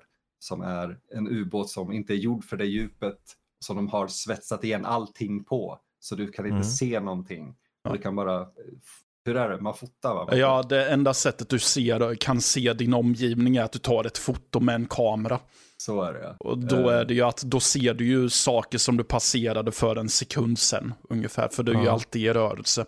Ja, okej, det var ett tag sedan jag såg någon video kring det här spelet, så jag glömde att man är en Att det är typ en straff för att man är så eh, utbytbar man bara kan vara eftersom att man är en brottsling. Så då Ja, skickas för- man på det här döds-självmordsuppdraget. Har han gjort någon film förut? Nej, det är eller? hans långfilmsdebut i alla lägen. Eh, Okej. Och Jag, jag måste säga, jag är lite så här skeptisk när YouTubers ska göra film plötsligt. Jo. Jag blir lite så här, nej men kom igen, bara för du tycker du är bäst och störst, och, ska du verkligen hålla på med film då? Men han är så ödmjuk ändå. Han känns som Äh, någon som eh, ja. håll, har fötterna på jorden. Han har jobbat nära David Szymanski som eh, gjorde spelet. Han är väldigt så här, trogen till låren för att eh, det är mycket mer lore till det. Egentligen har Mhm. världen har typ gått under. Eh, under någonting som heter typ ja, men, The Ravage eller The Rapture. eller The Silent mhm. någonting. Silent Rapture tror jag. Där eh, miljoner stjärnor bara slocknade och mängder av planeter försvann och sånt där. Så det är en ascool historia och han verkar bry sig så mycket om det att han ändå har vårdat och värdat den här storyn och sen Mm. gör sin version av det. Eh, Sen vet jag inte, han kanske misslyckas med det, men ja, jag håller ju med om att när en YouTuber, vi kan ta James Rolfe, Angry Video Game Nerd, gör en film Mm. eh, baserat på, just där då, baserat på sin egen karaktär så blir det comme si comme ça, eh, om man är vänlig och säger så. Men jag tror ändå att Mark med en större budget i ryggen som han verkar ha, han är ju med och medfinansierar också, och den respekten i den typen av spel med, kan klara av det. Mm. Det är ett väldigt litet spel, om man ska säga. Eh, Men, Mm, men mm. onekligen. Är det bara liksom en karaktär i den också, så att det är lite mer... Ja. Ja. Nu, I i filmen kommer de ha lite fler karaktärer för det behövs självklart. Men eh, jag är väldigt nyfiken på att se hur de utvecklar det. Mm. Just för att storyn är väldigt cool och, och spelet i sig är väldigt, väldigt coolt. Och en sån här atmosfärsfylld jäkla resa. Mm. Eh, och just att eh, Mark står bakom alla roller. Jag som filmare tycker det låter livsfarligt och när man lyssnar på honom som eh, poddare i, han, i deras podd Distractable så hör man för att han har varit iväg och jobbat på den under tiden de har spelat in den. Man hör hur utarbetad han är och jag kan inte Mm. föreställa mig att sitta i, i fyra så viktiga roller eh, och samtidigt göra lika bra jobb på alla fyra. Eh, men vi får se och jag, jag, jag ser fram emot det i alla fall. Ja, vet vi när den kommer och så eller? Jag tror inte det har utannonserats än. Teaser-trailern släpptes som sagt igår. Jag tror vi har, Ah. vi har den på eh, hemsidan och är väldigt cool i sig. Mm. Men eh, vi kan väl räkna med framåt slutet av året kanske. Ja. Känns logiskt. Spännande ändå. Mm. Man vet ju aldrig så här, det är ju aldrig fel att se någon få sitt kreativa utlopp och testa nya eh, avenues liksom. Definitivt. Det är väl jättekul. Ja. Jättekul. Och, och är det så att ni mot förmodan är nyfikna på spelet i sig så finns det på Steam för typ 4,24 euro just nu. Så värt det. Så att, eh, och det verkar ju vara något kort spel va? Det är väldigt kort. timme. Ja. Gött! Hade du något mer eller? Eh, lite grann, jag har inte läst på jättemycket om det, men Mm. eh, Meta, eller Meta, Facebook helt enkelt. Facebook? Eh, de eh, och Zuckerberg älskar att kasta pengar i sjön. Med, Ja, ja. med sitt jävla metaverse som är den största, jag vet inte, katastrofen innan vi ens hinner Oh. se någonting av det. Och här, problemet med det är ju att det drabbar ju inte bara Zuckerberg, för då hade det varit en grej. Utan det Mm. drabbar, mm, inte miljoner, men, men tusentals eh, andra anställda och sådär i exempelvis eh, studier som Ready at Dawn som eh, i princip bara har utvecklat massa Oculus-spel senaste åren för att de köptes upp tror jag. Mm. Eh, det är ett enormt problem för att eh, när du då hamnar i, under ett företag som väljer att kasta pengar på någonting annat eller en ägare som väljer att kasta pengar på någonting annat så kommer du drabbas av det och de har ingen annanstans att gå riktigt. Så de har blivit av med en tredjedel, om det var två tredjedelar av sina eh, anställda. Och det, nej, en tredjedel av studion. Mm. Eh, heter det? Av We're Let Go helt enkelt. Ja. Och det är så tragiskt för att det, det är en sån studio som ändå innan, de gjorde inte jättemycket superbra grejer men det var en passionerad studio som ändå hittade sin nisch lite grann och nu har de satts in i någon form av här, VR som redan nischat i sig, eh, gruva och nu Mm. börjar de skalas ner. Så jag, jag har en känsla av att vi inte kommer se Reddit. Jättetråkigt. In- Ready at Dawn är ju för mig kända mest för The Order 1886. Ja. Och The Order 1886 är ett sånt spel som jag känner folk borde testa. Definitivt. För att om jag ska vara helt ärlig, det är så här, de hade ju, det var ju ett launchspel om jag miss, inte missminner mig för PS4 och då blir det så här, det blir lite fel, då, när någonting är ett launchspel så är det det största. Då är det någonting som det initialt börjar med. Kolla, det här är vad PS4 kan göra. Och det kunde den, för grafiken såg jävligt bra ut. Men det var ett väldigt nischat spel i sin combat och, och lite uh, quick time events och grejer som gjorde att det drogs ner. Men ärligt talat så tyckte jag om det. Min bror sa exakt samma sak bara här om veckan. Ja. Och, men problemet var att där blev ju nådastöten för dem. Yeah. Ready at Dawn. Uh, de fick inte göra dem mer och sen så kom de över till uh, Oculus. Och det är synd för det var så det är ju inte på något sätt innovativt, men det var en vision och en idé och ett utförande som i sig var väldigt satt och klart mm. och, och välgjort. Som tydde på att de här utvecklarna, de, de ville ha en för det var ju en, eh, vad var det, en varulvsberättelse eller någonting. Yeah. Som jag var, varulvar, var det varulvar mot vampyrer till och med eller? Jag kommer inte ihåg, men det var någonting med likens i alla fall. Så jag tyckte det var så synd med dem, och om det här nu sker så är det jättetråkigt. De har verkligen haft bara eh, otur efter otur känns det som då. Ja, det känns lite, jag får den här trojka-känslan om man pratar varulvar och vampyrer ja. också. Att, att trojka gjorde så fantastiska spel, men de, alla de tre spelen de gjorde floppade tyvärr. Mm. Uh, och när det händer, då har du inte en chans att egentligen få någon som kan backa dig igen. Mm. Och här, de, de, är ju verkligen under Oculus här. Mm. Det finns ingen annanstans att vända sig riktigt. Så det, det är väldigt tragiskt och jag, jag, tycker det är så jobbigt faktiskt att se så stora företag låta deras dumma beslut drabbar så många mm. andra. För vi snackar ju tiotusentals som har uh, friställs och inte bara från uh, Reddy då utan självklart mm. utan andra bolag också. Men det är Reddy som har varit ute och pratat om det lite grann. Mm. Uh, jag tycker inte om att se det. Nej, det är synd. Det är synd. Men men, det var det. Hade du något mer eller? Nej, det var mina nyheter. Ja. Så... Matte Mums, hade du någon eller? Nej, jag hade du... ingen Nej. nyhet överhuvudtaget. Då så, då rundar vi av nyhetssessionen och så tar vi hoppar in på något lite roligare, faktiskt vad vi själva har spelat och sett och smakat på och allt det där. Um, och vi kan väl lika du sa ju ett par ord där i början Matte och då var det tyst nu ett tag, så jag tänkte vi ska väl rycka av det där plåstret som är dina initiala, väldigt initiala intryck av Crime Boss Rocky City. Ja.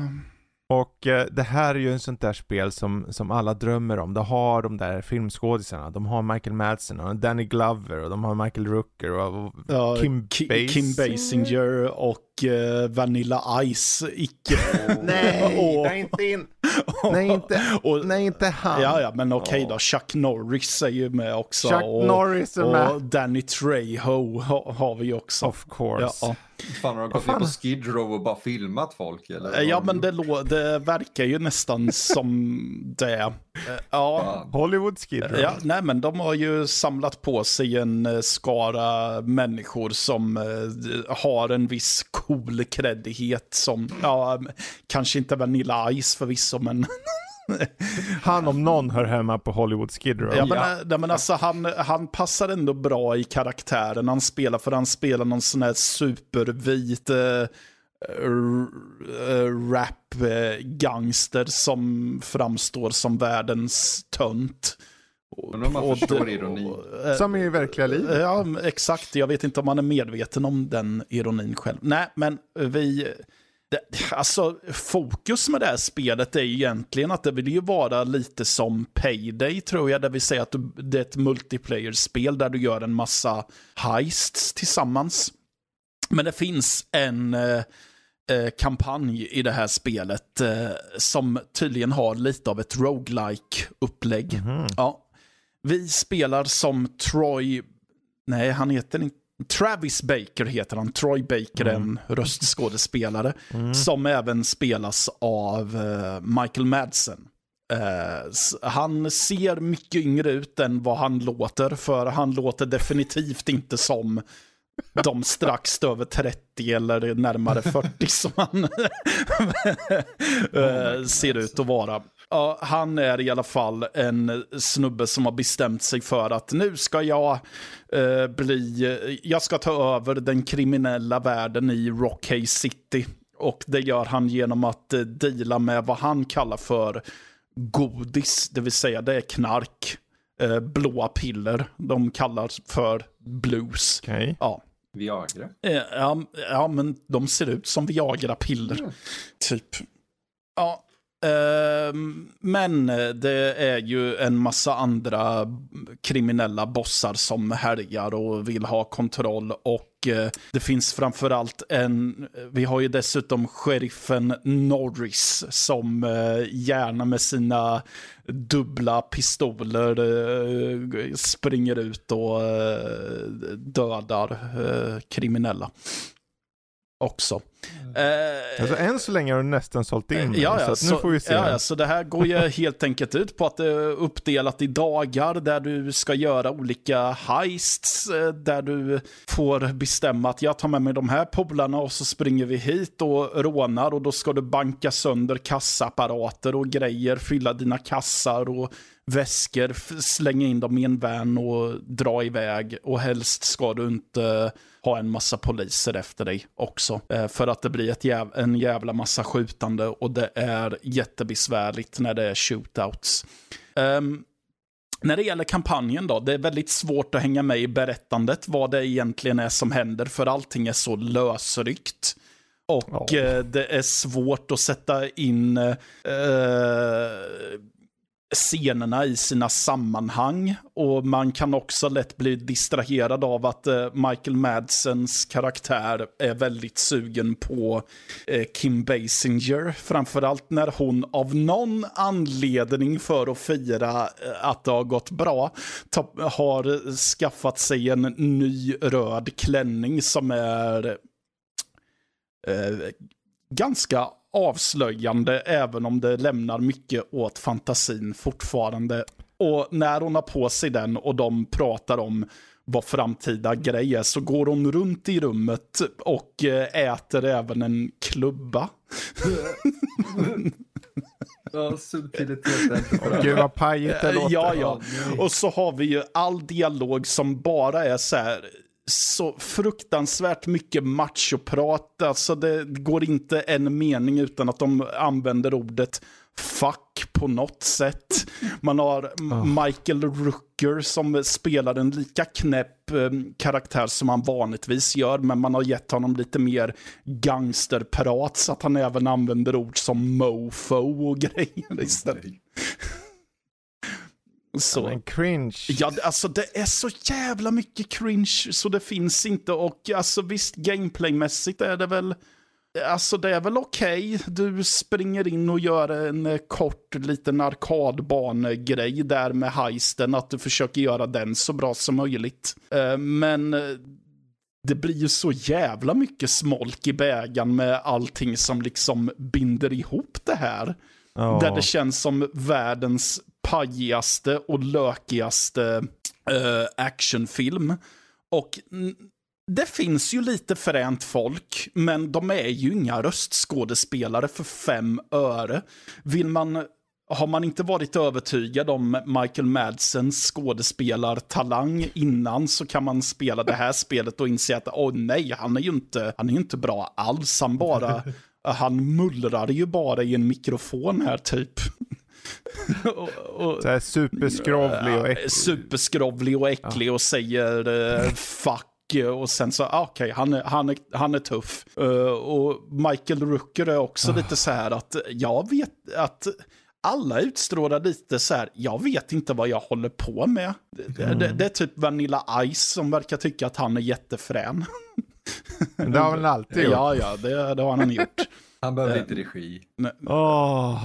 Verkligen Ja, inte. men det lå- i alla fall de här första intrycken är väl inte de mest eh, godartade. Nej, alltså Sådana. det tar ju, jag, ork, jag har ju inte orkat spela spelet särskilt eh, mycket alls. Jag ska bara för det gå in och kolla hur, eh, för eh, alltså igår när jag Hur hade, är Danny Glover då? jag har inte kommit så långt så att jag har Nej, träffat okej. honom än.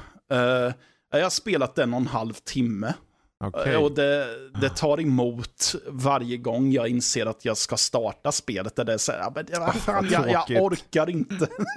Jag trodde ju att det här, men det kanske är ett sånt där spel, du vet så här som ser lite lökigt ut och det är så jäkla lökigt så att det blir underhållande. Ja, det, Som en så här gammal B-action-rulle något. ja, du, det här är, det, det är, bara, Ah. det är bara lök, det här. Det är, in, Det är bara det är lök. bara lök. Det är, Det är bara lök det- på det- Hollywood Skid det är Row. begagnad lök. Det är någon som har... Nej. Det är som att du, lök, lökighet på den nivån att du sitter i ett trångt rum med en snubbe som har ätit löksoppa och lökringar. Nej, Och som, eh, som en konsekvens av det sitter och är jättegasig. Så det är lökigt på det sättet att du får ta del Mm. av begagnad lök mer.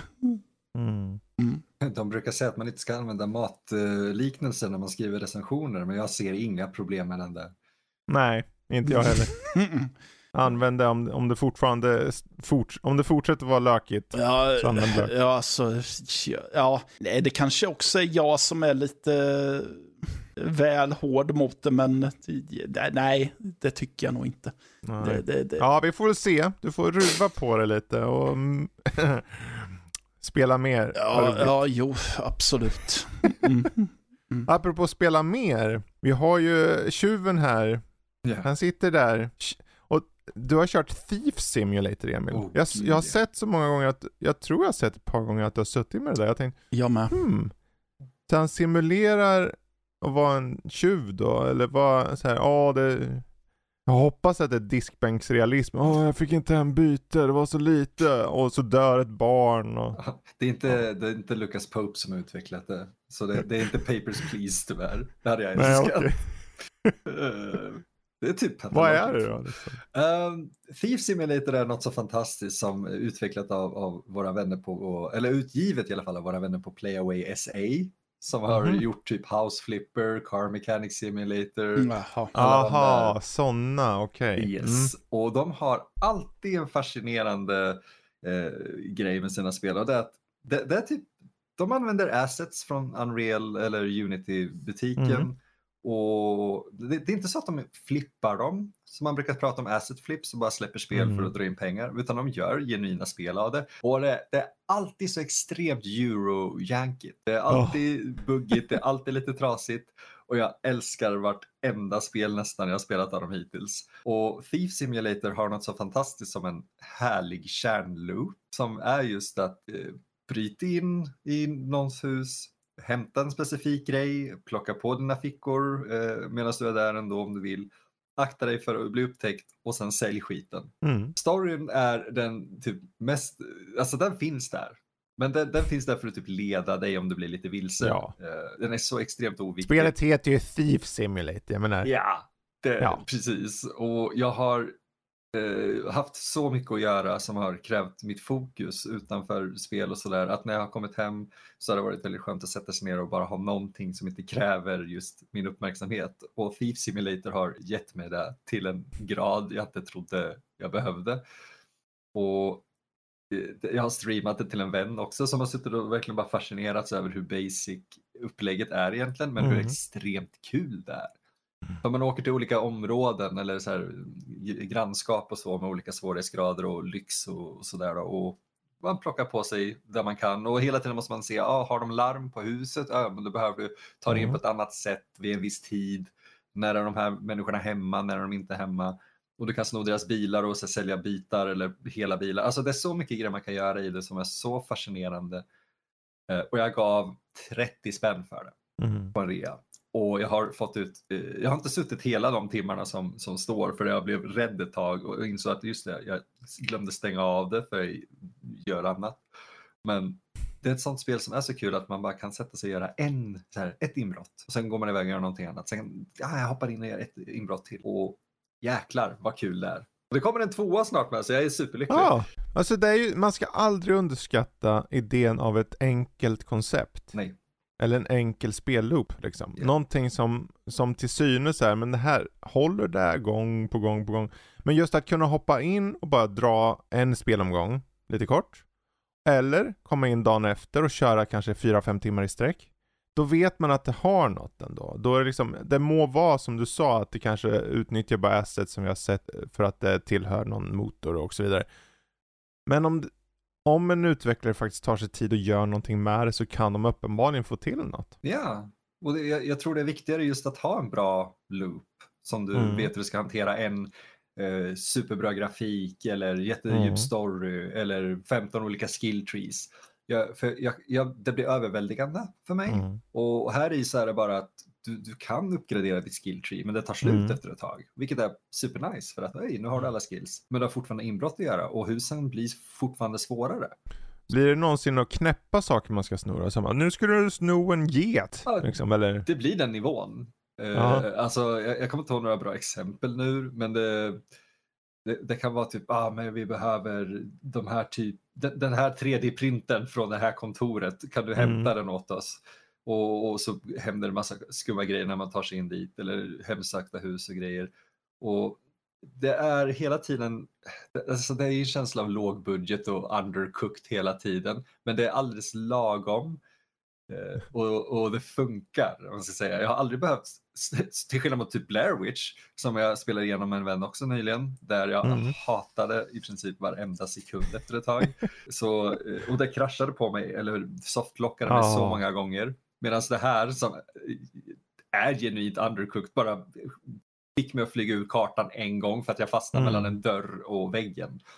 Eh, och du kan, alltså du kan sno så här, vad heter det, piggybanks, alltså sparbössor. Spargrisar. Ja, spargrisar. Mm. Bara det gör det till så här 10 av 10. Det är fantastiskt. Eh, 10 av 10, du får sno någon, något barns pengar när Yes. man samlar på sig ett halvår. Yay! det, det är då Emil är nöjd. Jag kan förstå det, jag skulle nog också ha gjort det faktiskt. Nej, jag, jag, jag rekommenderar det så hårt till alla som bara vill ha något kul och Ja. en enkel eh, straightforward loop. Det är ett skönt spel, det är skönt att få in lite sådana i mixen liksom. Jag tycker om det. Definitivt. Det är liksom allt, särskilt när man, jag lyfter ju där framförallt för att den har vi inte pratat om förut. Det finns många spel vi har pratat om, men den har jag aldrig sett faktiskt. Något av. Ja, de har ju eh, en väldigt eh, skön samling eh, andra spel också. Man känner för det. Allt från att man kan vara uteliggare till taxichaufför och knarklangare. Det är, Mm. mm. Och det är det att de hittar nästan alltid en loop som är Ja. fantastisk. Ja. Eller varför inte att man är en eh, fet person som jobbar för eh, något Fedex-liknande. Oj då. Ja, det är också en spelloop. Ja, det heter Fat X Courier och man spelar som en eh, väldigt stor och bulkig snubbe. Fredrik, skriv upp mig på att recensera alla deras kommande titlar. Åh Ja, det hade dock inte kommit ut än så ännu. Så. Nej, nej, nej. Komma skall då. Jaha. Men eh, från en eh, loop till en annan då. Eh, jag har ju faktiskt kört Loop Hero. Mm. Eh, och det är ett spel som, det kom ju för typ två år sedan. Mm. Jag tror det är två år sedan. Eh, och det är ju egentligen bara någon form av, skulle man kunna kalla den en roguelike Ja. kanske? Eh, du har en bana och din gubbe bara går automatiskt och besöker saker och ska försöka överleva så långt du kan och sen så kommer en slutboss.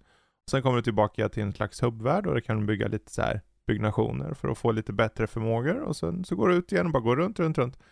Det konceptet är ju, jag antar det, det har kanske likheter med den här spelloopen du pratar om den här, att det är någonting i det som gör att jag bara, åh, det är så avslappnande men också engaging. Bara en gång till. Ja, men det är, väl, Ja. det är väl som Vampire Survivors också. Mm. Där det är så banalt så att det är lätt att bara tänka, ja, men jag hoppar in i det här lite snabbt. Precis, precis. Och sen försvinner en halvtimme, timme eller två.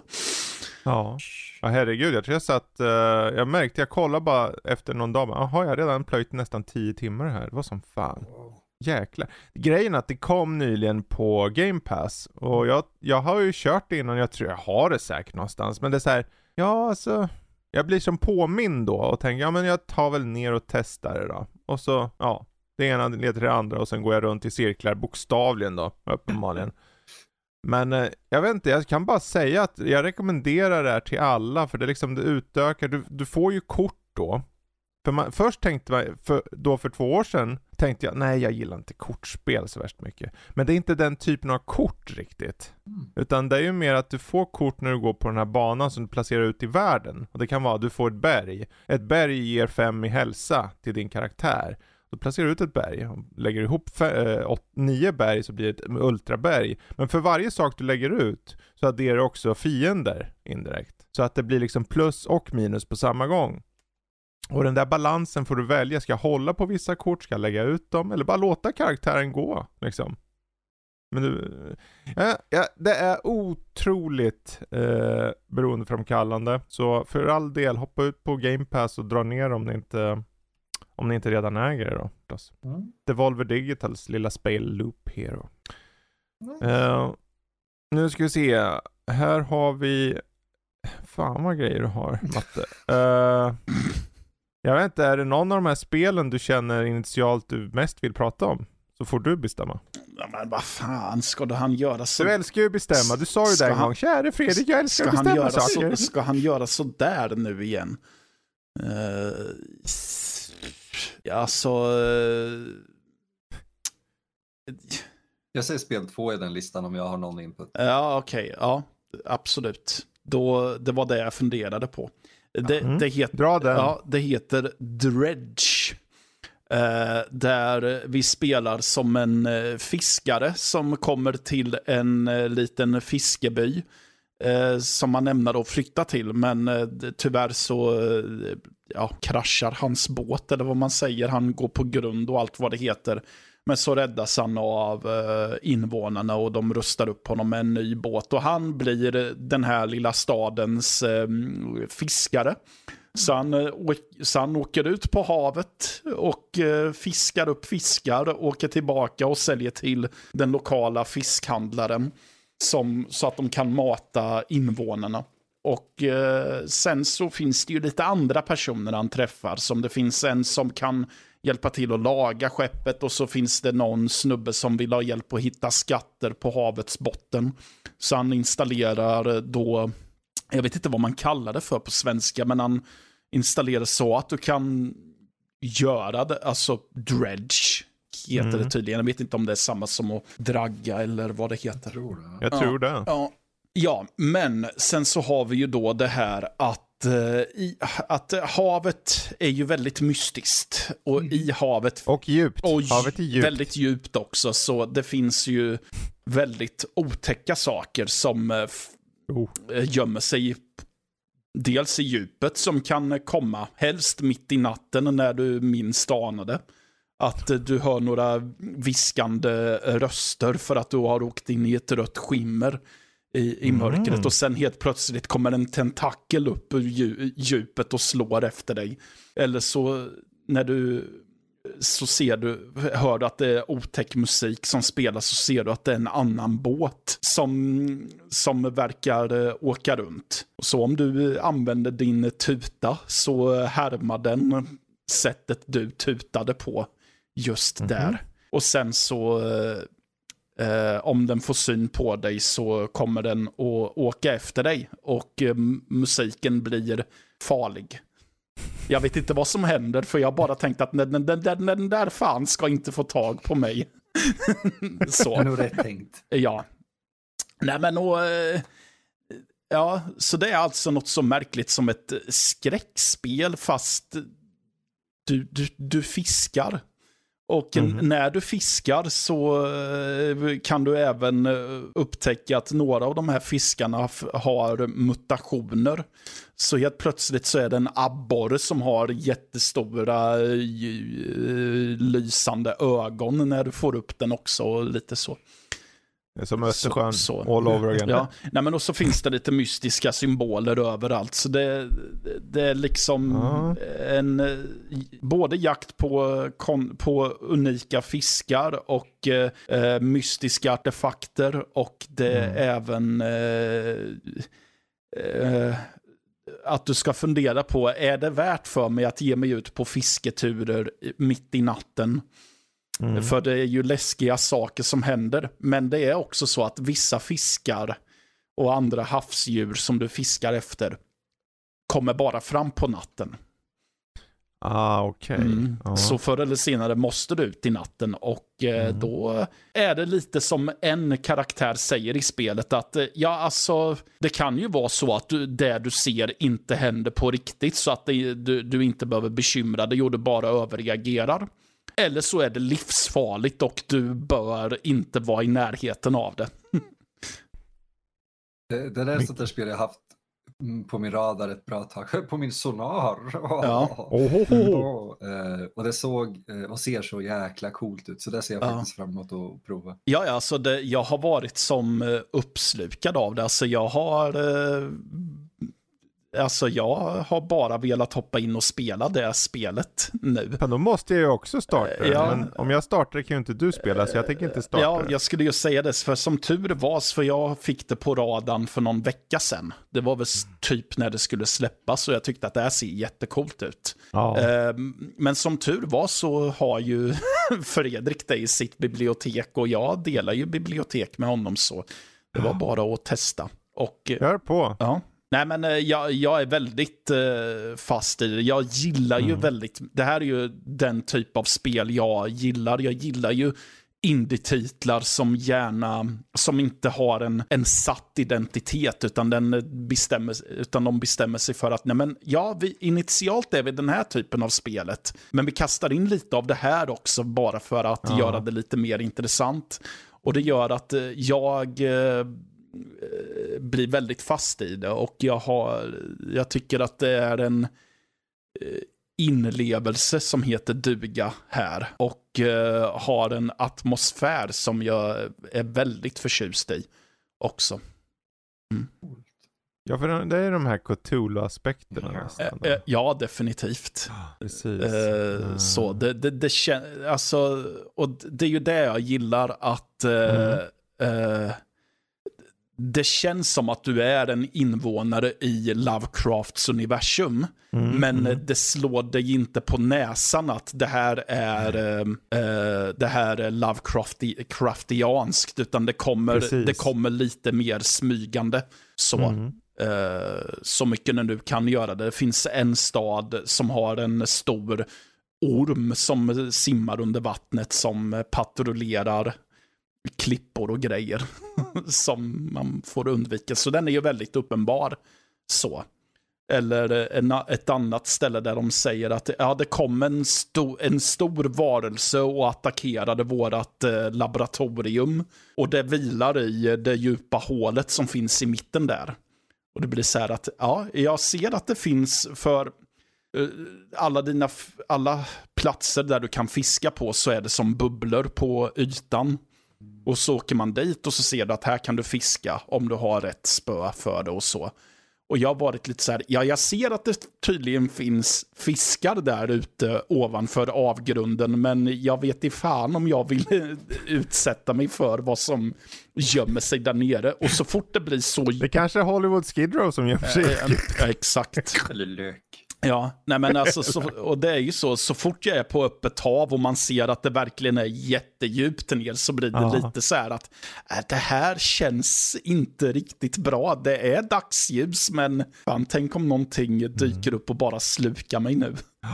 Ja. Men det är skönt den där att man känner sig lite utelämnad så här. Så här man känner sig, åh det är så djupt under. Man, Ja, Det ja. blir som en slags omvänd klaustrofobi nästan låter det som. Ja, ja. Och, Det finns ett ord för det. men Nej, men och jag, jag gillar också att de har ju att du måste helst vara utvilad och när du blir trött Ja. så blir, anammar de det här att ja, det är dimmigt. Och dessutom, Mm. och när du dessutom är trött så kan det vara svårt att uppfatta saker som de egentligen är.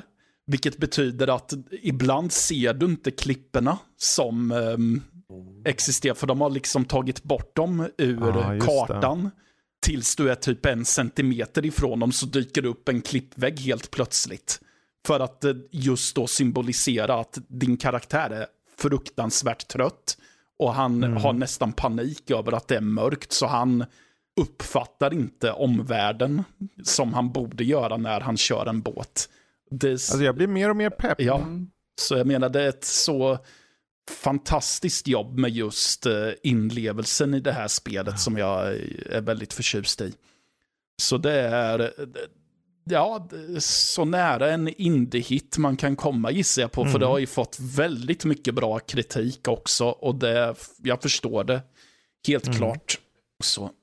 Men det är så intressant, för vi ska hålla oss vid dig, för jag är nyfiken om, det här spelet har, ju, har du gett bra kritik. Mm -hmm. Men du har också gett väldigt bra kritik till Dead Island 2, som är lite av en motpol på något ja, sätt. Liksom, ja, ja, det här är ju, Dead Island 2 är ju liksom uh, som en levande slagpåse ungefär. Fick jag för mig om att säga.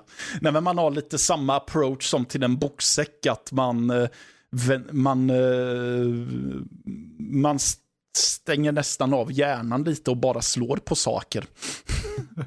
så. Så många år i utveckling och det är där vi får. Ja, och jag...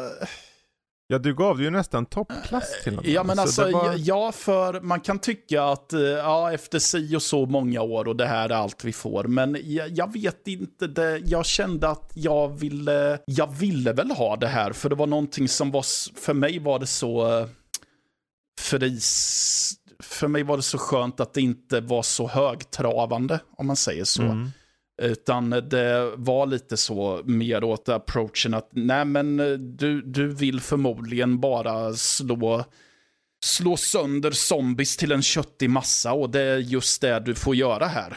Bygg ett så mm. stort vapen och eh, så har vi gjort den här, eh, har vi den här flesh grejen som de kallade för. Som jag, jag kommer inte ihåg. Ja, Flash Engine. Flash Engine. precis, en motor som, som är så intrikat att du liksom ser inälvor ramlar ut ur kroppar och mm. varje del av kroppen kan skäras av.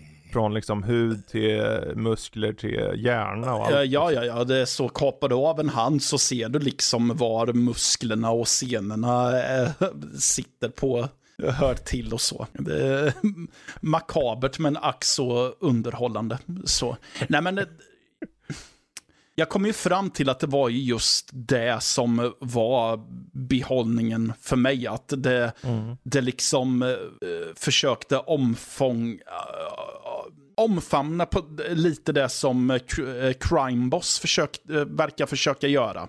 Att det, det vill åt den här lite slockiga underhållningen eh, mer kan man säga. Och jag tycker att mm. det här, jag tycker att det här spelet funkar mycket bättre sett till det. Men mm. det är mm. också att jag förstår ju att eh, det här är ju vad jag, det, det, var ju det här som jag ville åt. Det, att jag ville åt mer underhållningsaspekten.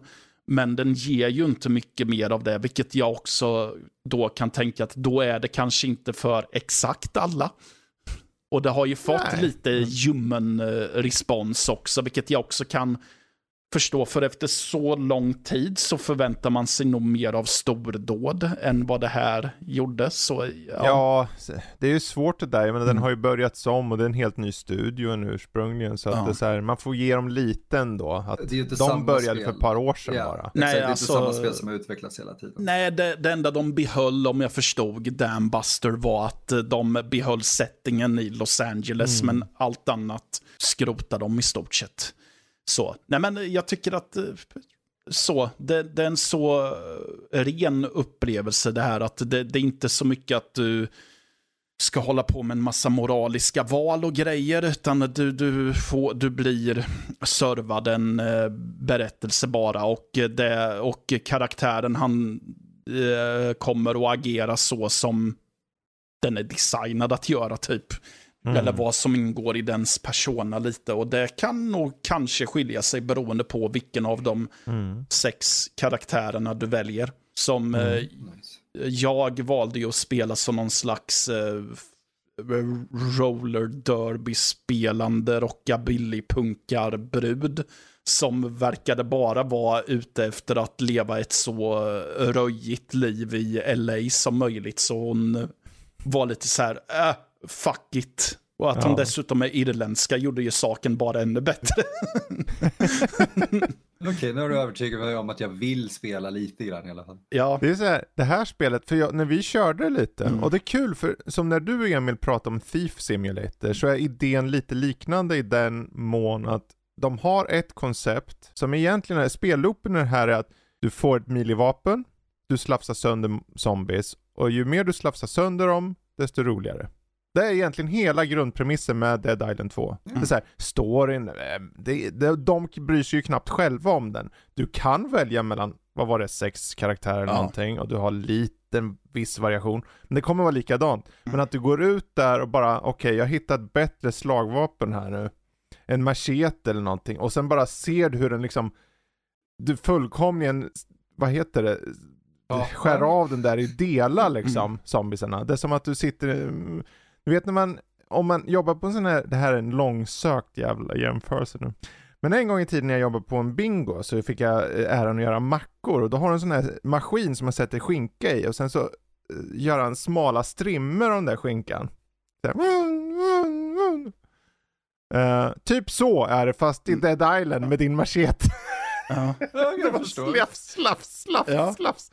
Och man vet ju Och den där, man ska inte underskatta enkelheten. Men man vet ju också vad en sån där chark-såg kan göra om man har sett The Wrestler med eh, Mickey Rourke.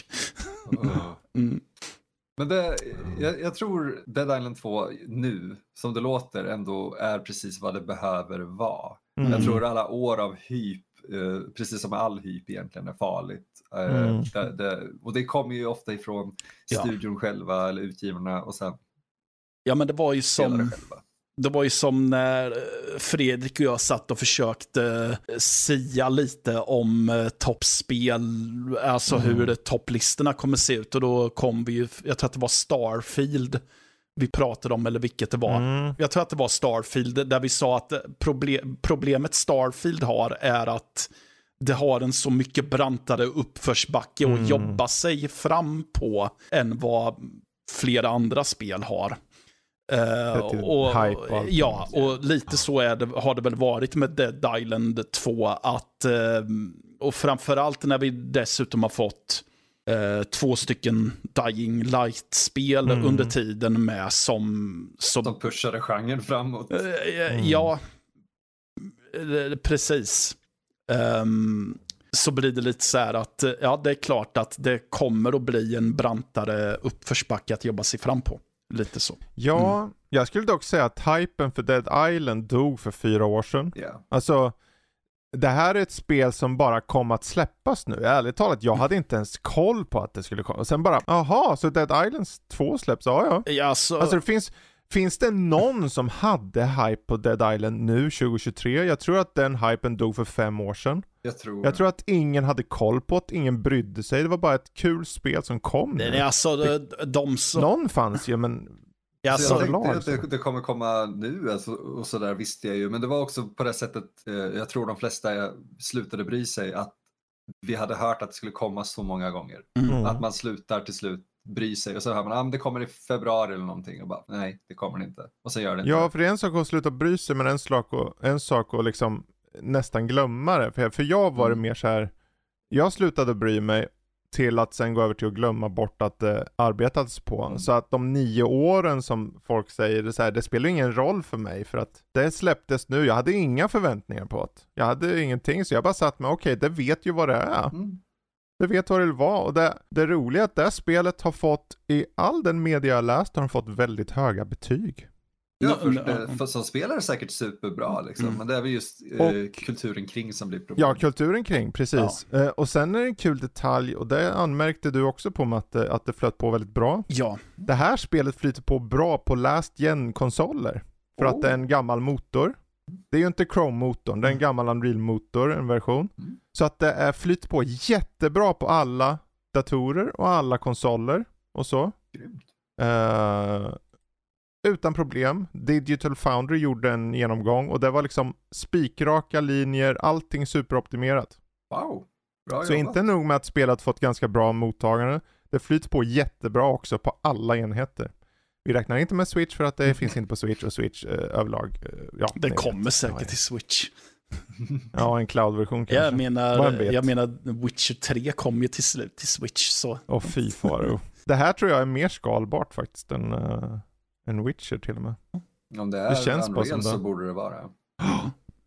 Precis. Ehm, ja men eh, jag var bara mest nyfiken så jag Ja. lät hoppa Mm. dit. eh. Ja, men Ja. För mig är det ju det är två stycken bra spel, men av helt olika anledningar. Även om jag kom, för mig, ehm, jag kommer nog ha en starkare relation till Dredge framöver tror jag faktiskt. För att det, det, det den typen av approach till spel som tenderar att göra större intryck. Eh, Snarare än eh, den rena underhållningsmackan du får av Dead Island. Vilket såklart inte är fel heller.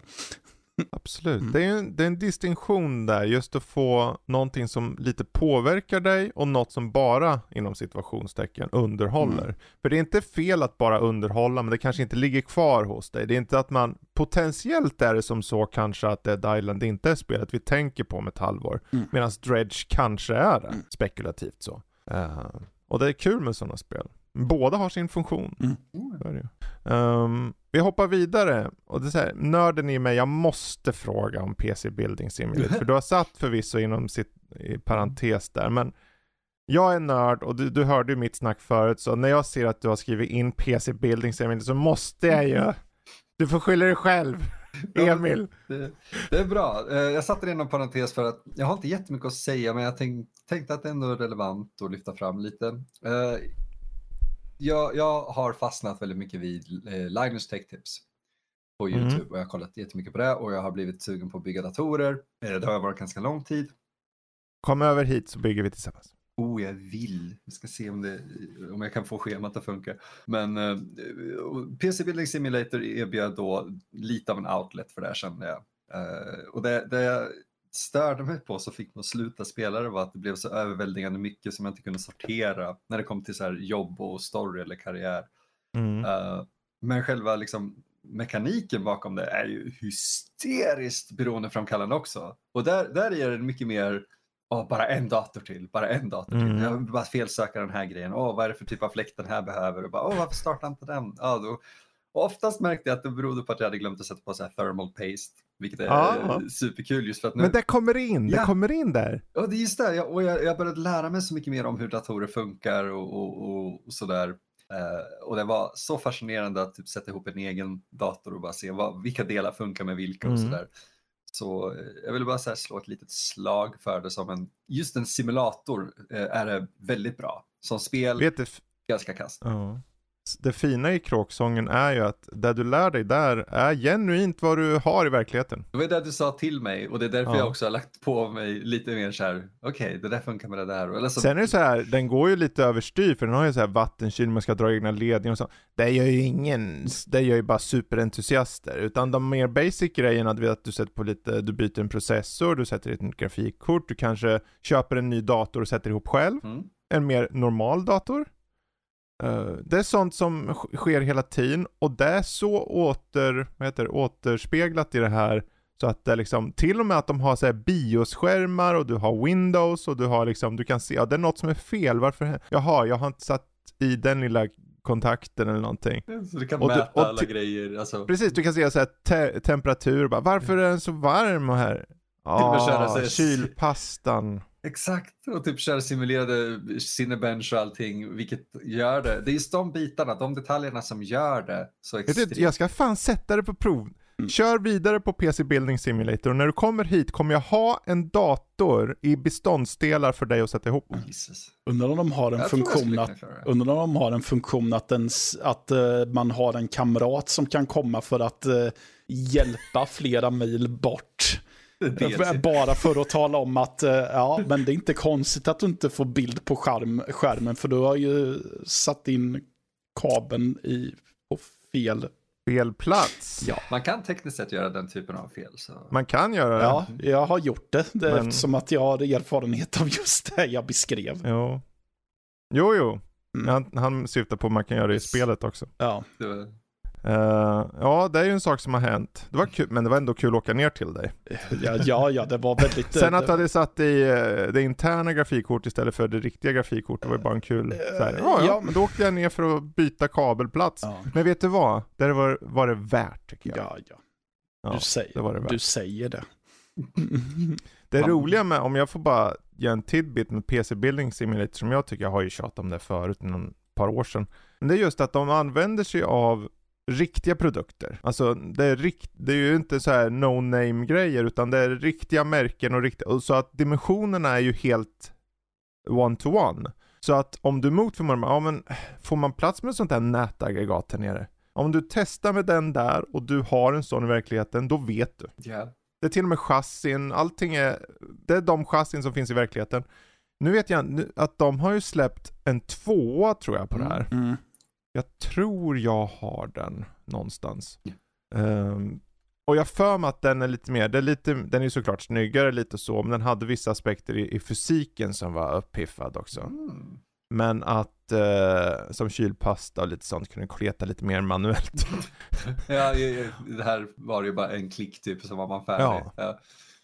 Men att det fanns en del aspekter, så där, den nästa är så här, kan man köpa det och ge, gifta till dig så är jag fan sugen. För jag vill, jag vill, jag vill föra in dig i PC-byggandets härliga värld Emil. Alltså tro mig, den dagen jag har pengar då är det definitivt mer eh, PC-byggande jag ska Ja, göra. jag, jag måste skriva upp här, ha en dator beståndsdelar så du kan sätta ihop den. Yay! Och sen ska jag bara, ja, och jag ska stressa dig också, nu ska jag stresstesta dig. Så vi ska stresstesta datorn och dig. Okej, på tid nu då, får vi se hur snabbt. Det är bara en kul grej. Ja, ja, jo, det är sant. Jag vill ju själv veta.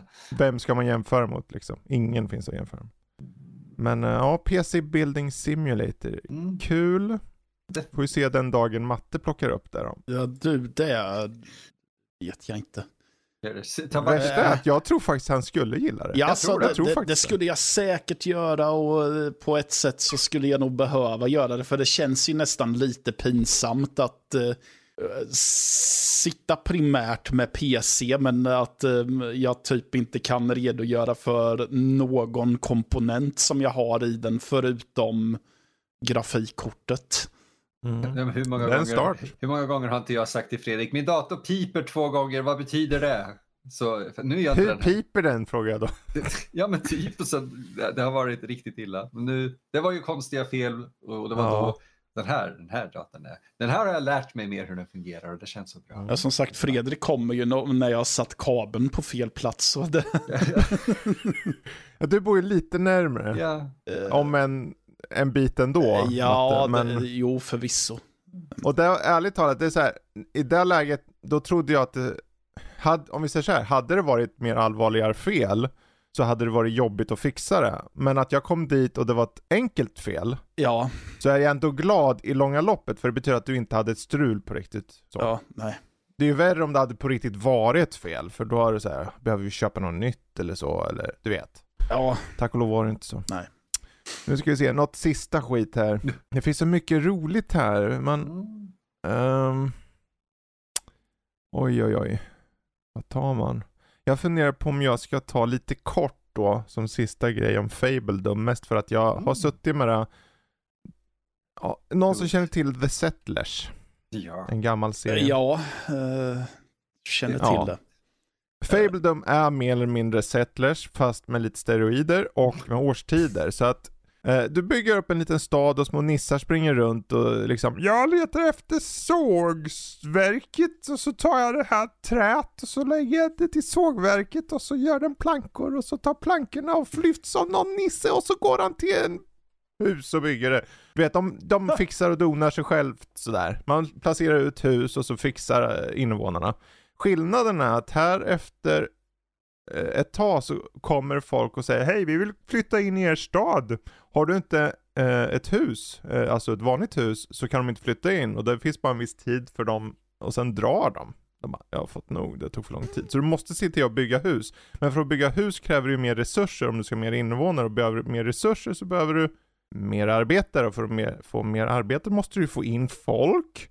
Så att det blir så här, det blir en balans med allting och dessutom är det årstider och det är lite kanske uspen i det då. Så att när vintern kommer, då kan du ju inte få de där grödorna, så du måste ha byggt upp ett granary med massor med liksom, vad heter det, ja, pumper och mat och skit. Spannmål. Ja, spannmål och allt det där. Eh, och under tiden det är vinter så behöver ju de där jävlarna ha värme i husen också. Så att du måste se till att du har bott kol, eh, kolverk, små kolställen liksom där de bara eldar för att få värme i närmsta området. Vart- Liksom. Jag vart ju förbannad på mina invånare i min City Skyline-stad för att de gnällde på att kärnkraftverket lät för mycket eller något sånt där. för, Pappa, det låter för mycket För det att- där som ger oss värme och För att ljus. jag tänkte att ja, men det kommer ju vara folk som jobbar på det och då kan ju de få bo i ett, rad, Mm. i ett radhusområde som jag gör precis bredvid kärnkraftverket här. Det blir Det, det känns som en sån här gammal klassisk bild, den där 50-talsinspirerad teckning där det är, åh titta här har vi ja, kärnkraftverket i bakgrunden och så står alla och grillar liksom. Man Ja, bara, precis så. Ja, någon kärn, kärnkraftverk hittar man inte det här, men däremot finns det riken intill ditt rike och de kan ha prinsessor eller prinsar som du kan uppvakta. oh, nu blir det Och då är det så här, liksom, du skickar först lite gift, det är som en mätare, först så hatar de dig eller inte bryr sig alls. Och sen ska du, ju mer du ger du vet, desto mer ökar den här in till det gröna. Och då blir de plötsligt, ja du kan uppvakta mig nu. Och så kan man skicka blommor och grejer. Men det kostar ju från dina resurser att skicka de där blommorna. Och då måste du ha en jävla blom Nisse som sätter 7000 tulpaner. Du kan ju inte göra något med tulpanerna mer än att ge bort det till den här grannkvinnan, eh, prinsessan va. Så att det blir så här, du måste sätta en resurs för att göra tulpaner som du bara kan använda i det syftet. Så du bara, okej, ska jag verkligen ha en nisse som gör tulpaner nu? Och så tar det ett år för att få ihop de där 700 tulpanerna som hon kräver för att det ska vara en riktig gåva. Ja. Det räcker ju inte med sju. Jag- Jag, älskar att den nissens syfte i livet som han själv måste intala sig eller så är, jag, jag gör min del. Jag odlar tulpaner under ett Precis. år av mitt liv för att ge bort till någon som typ kanske uppskattar det i fem minuter. Ja, och det är en sån här regentkvinna så här. Och eh, man Ja. får välja i början av spelet så här, okej, vill du uppvakta en prinsessa eller en prins? Så att det, det bryr sig inte om, du får välja din karaktär också, är du en eh, kille eller tjej? Så att det, väljer du. Nice. Eh, och eh, det finns andra där ute du kan skicka andra presenter till och så. Det bör nämnas att det här spelet är ju early access, så jag körde och så var det slut på någonting mer jag kunde göra. Märkte jag efter sju timmar redan. Eh, Okej, Ko- jaha. Kommer folk skicka presenter till dig någon gång?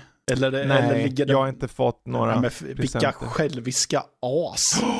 Det är bara, den här prinsessan, hon, ju- hon här kvittrar och, och håller på. bara, Åh, vad snällt av dig att du skickade.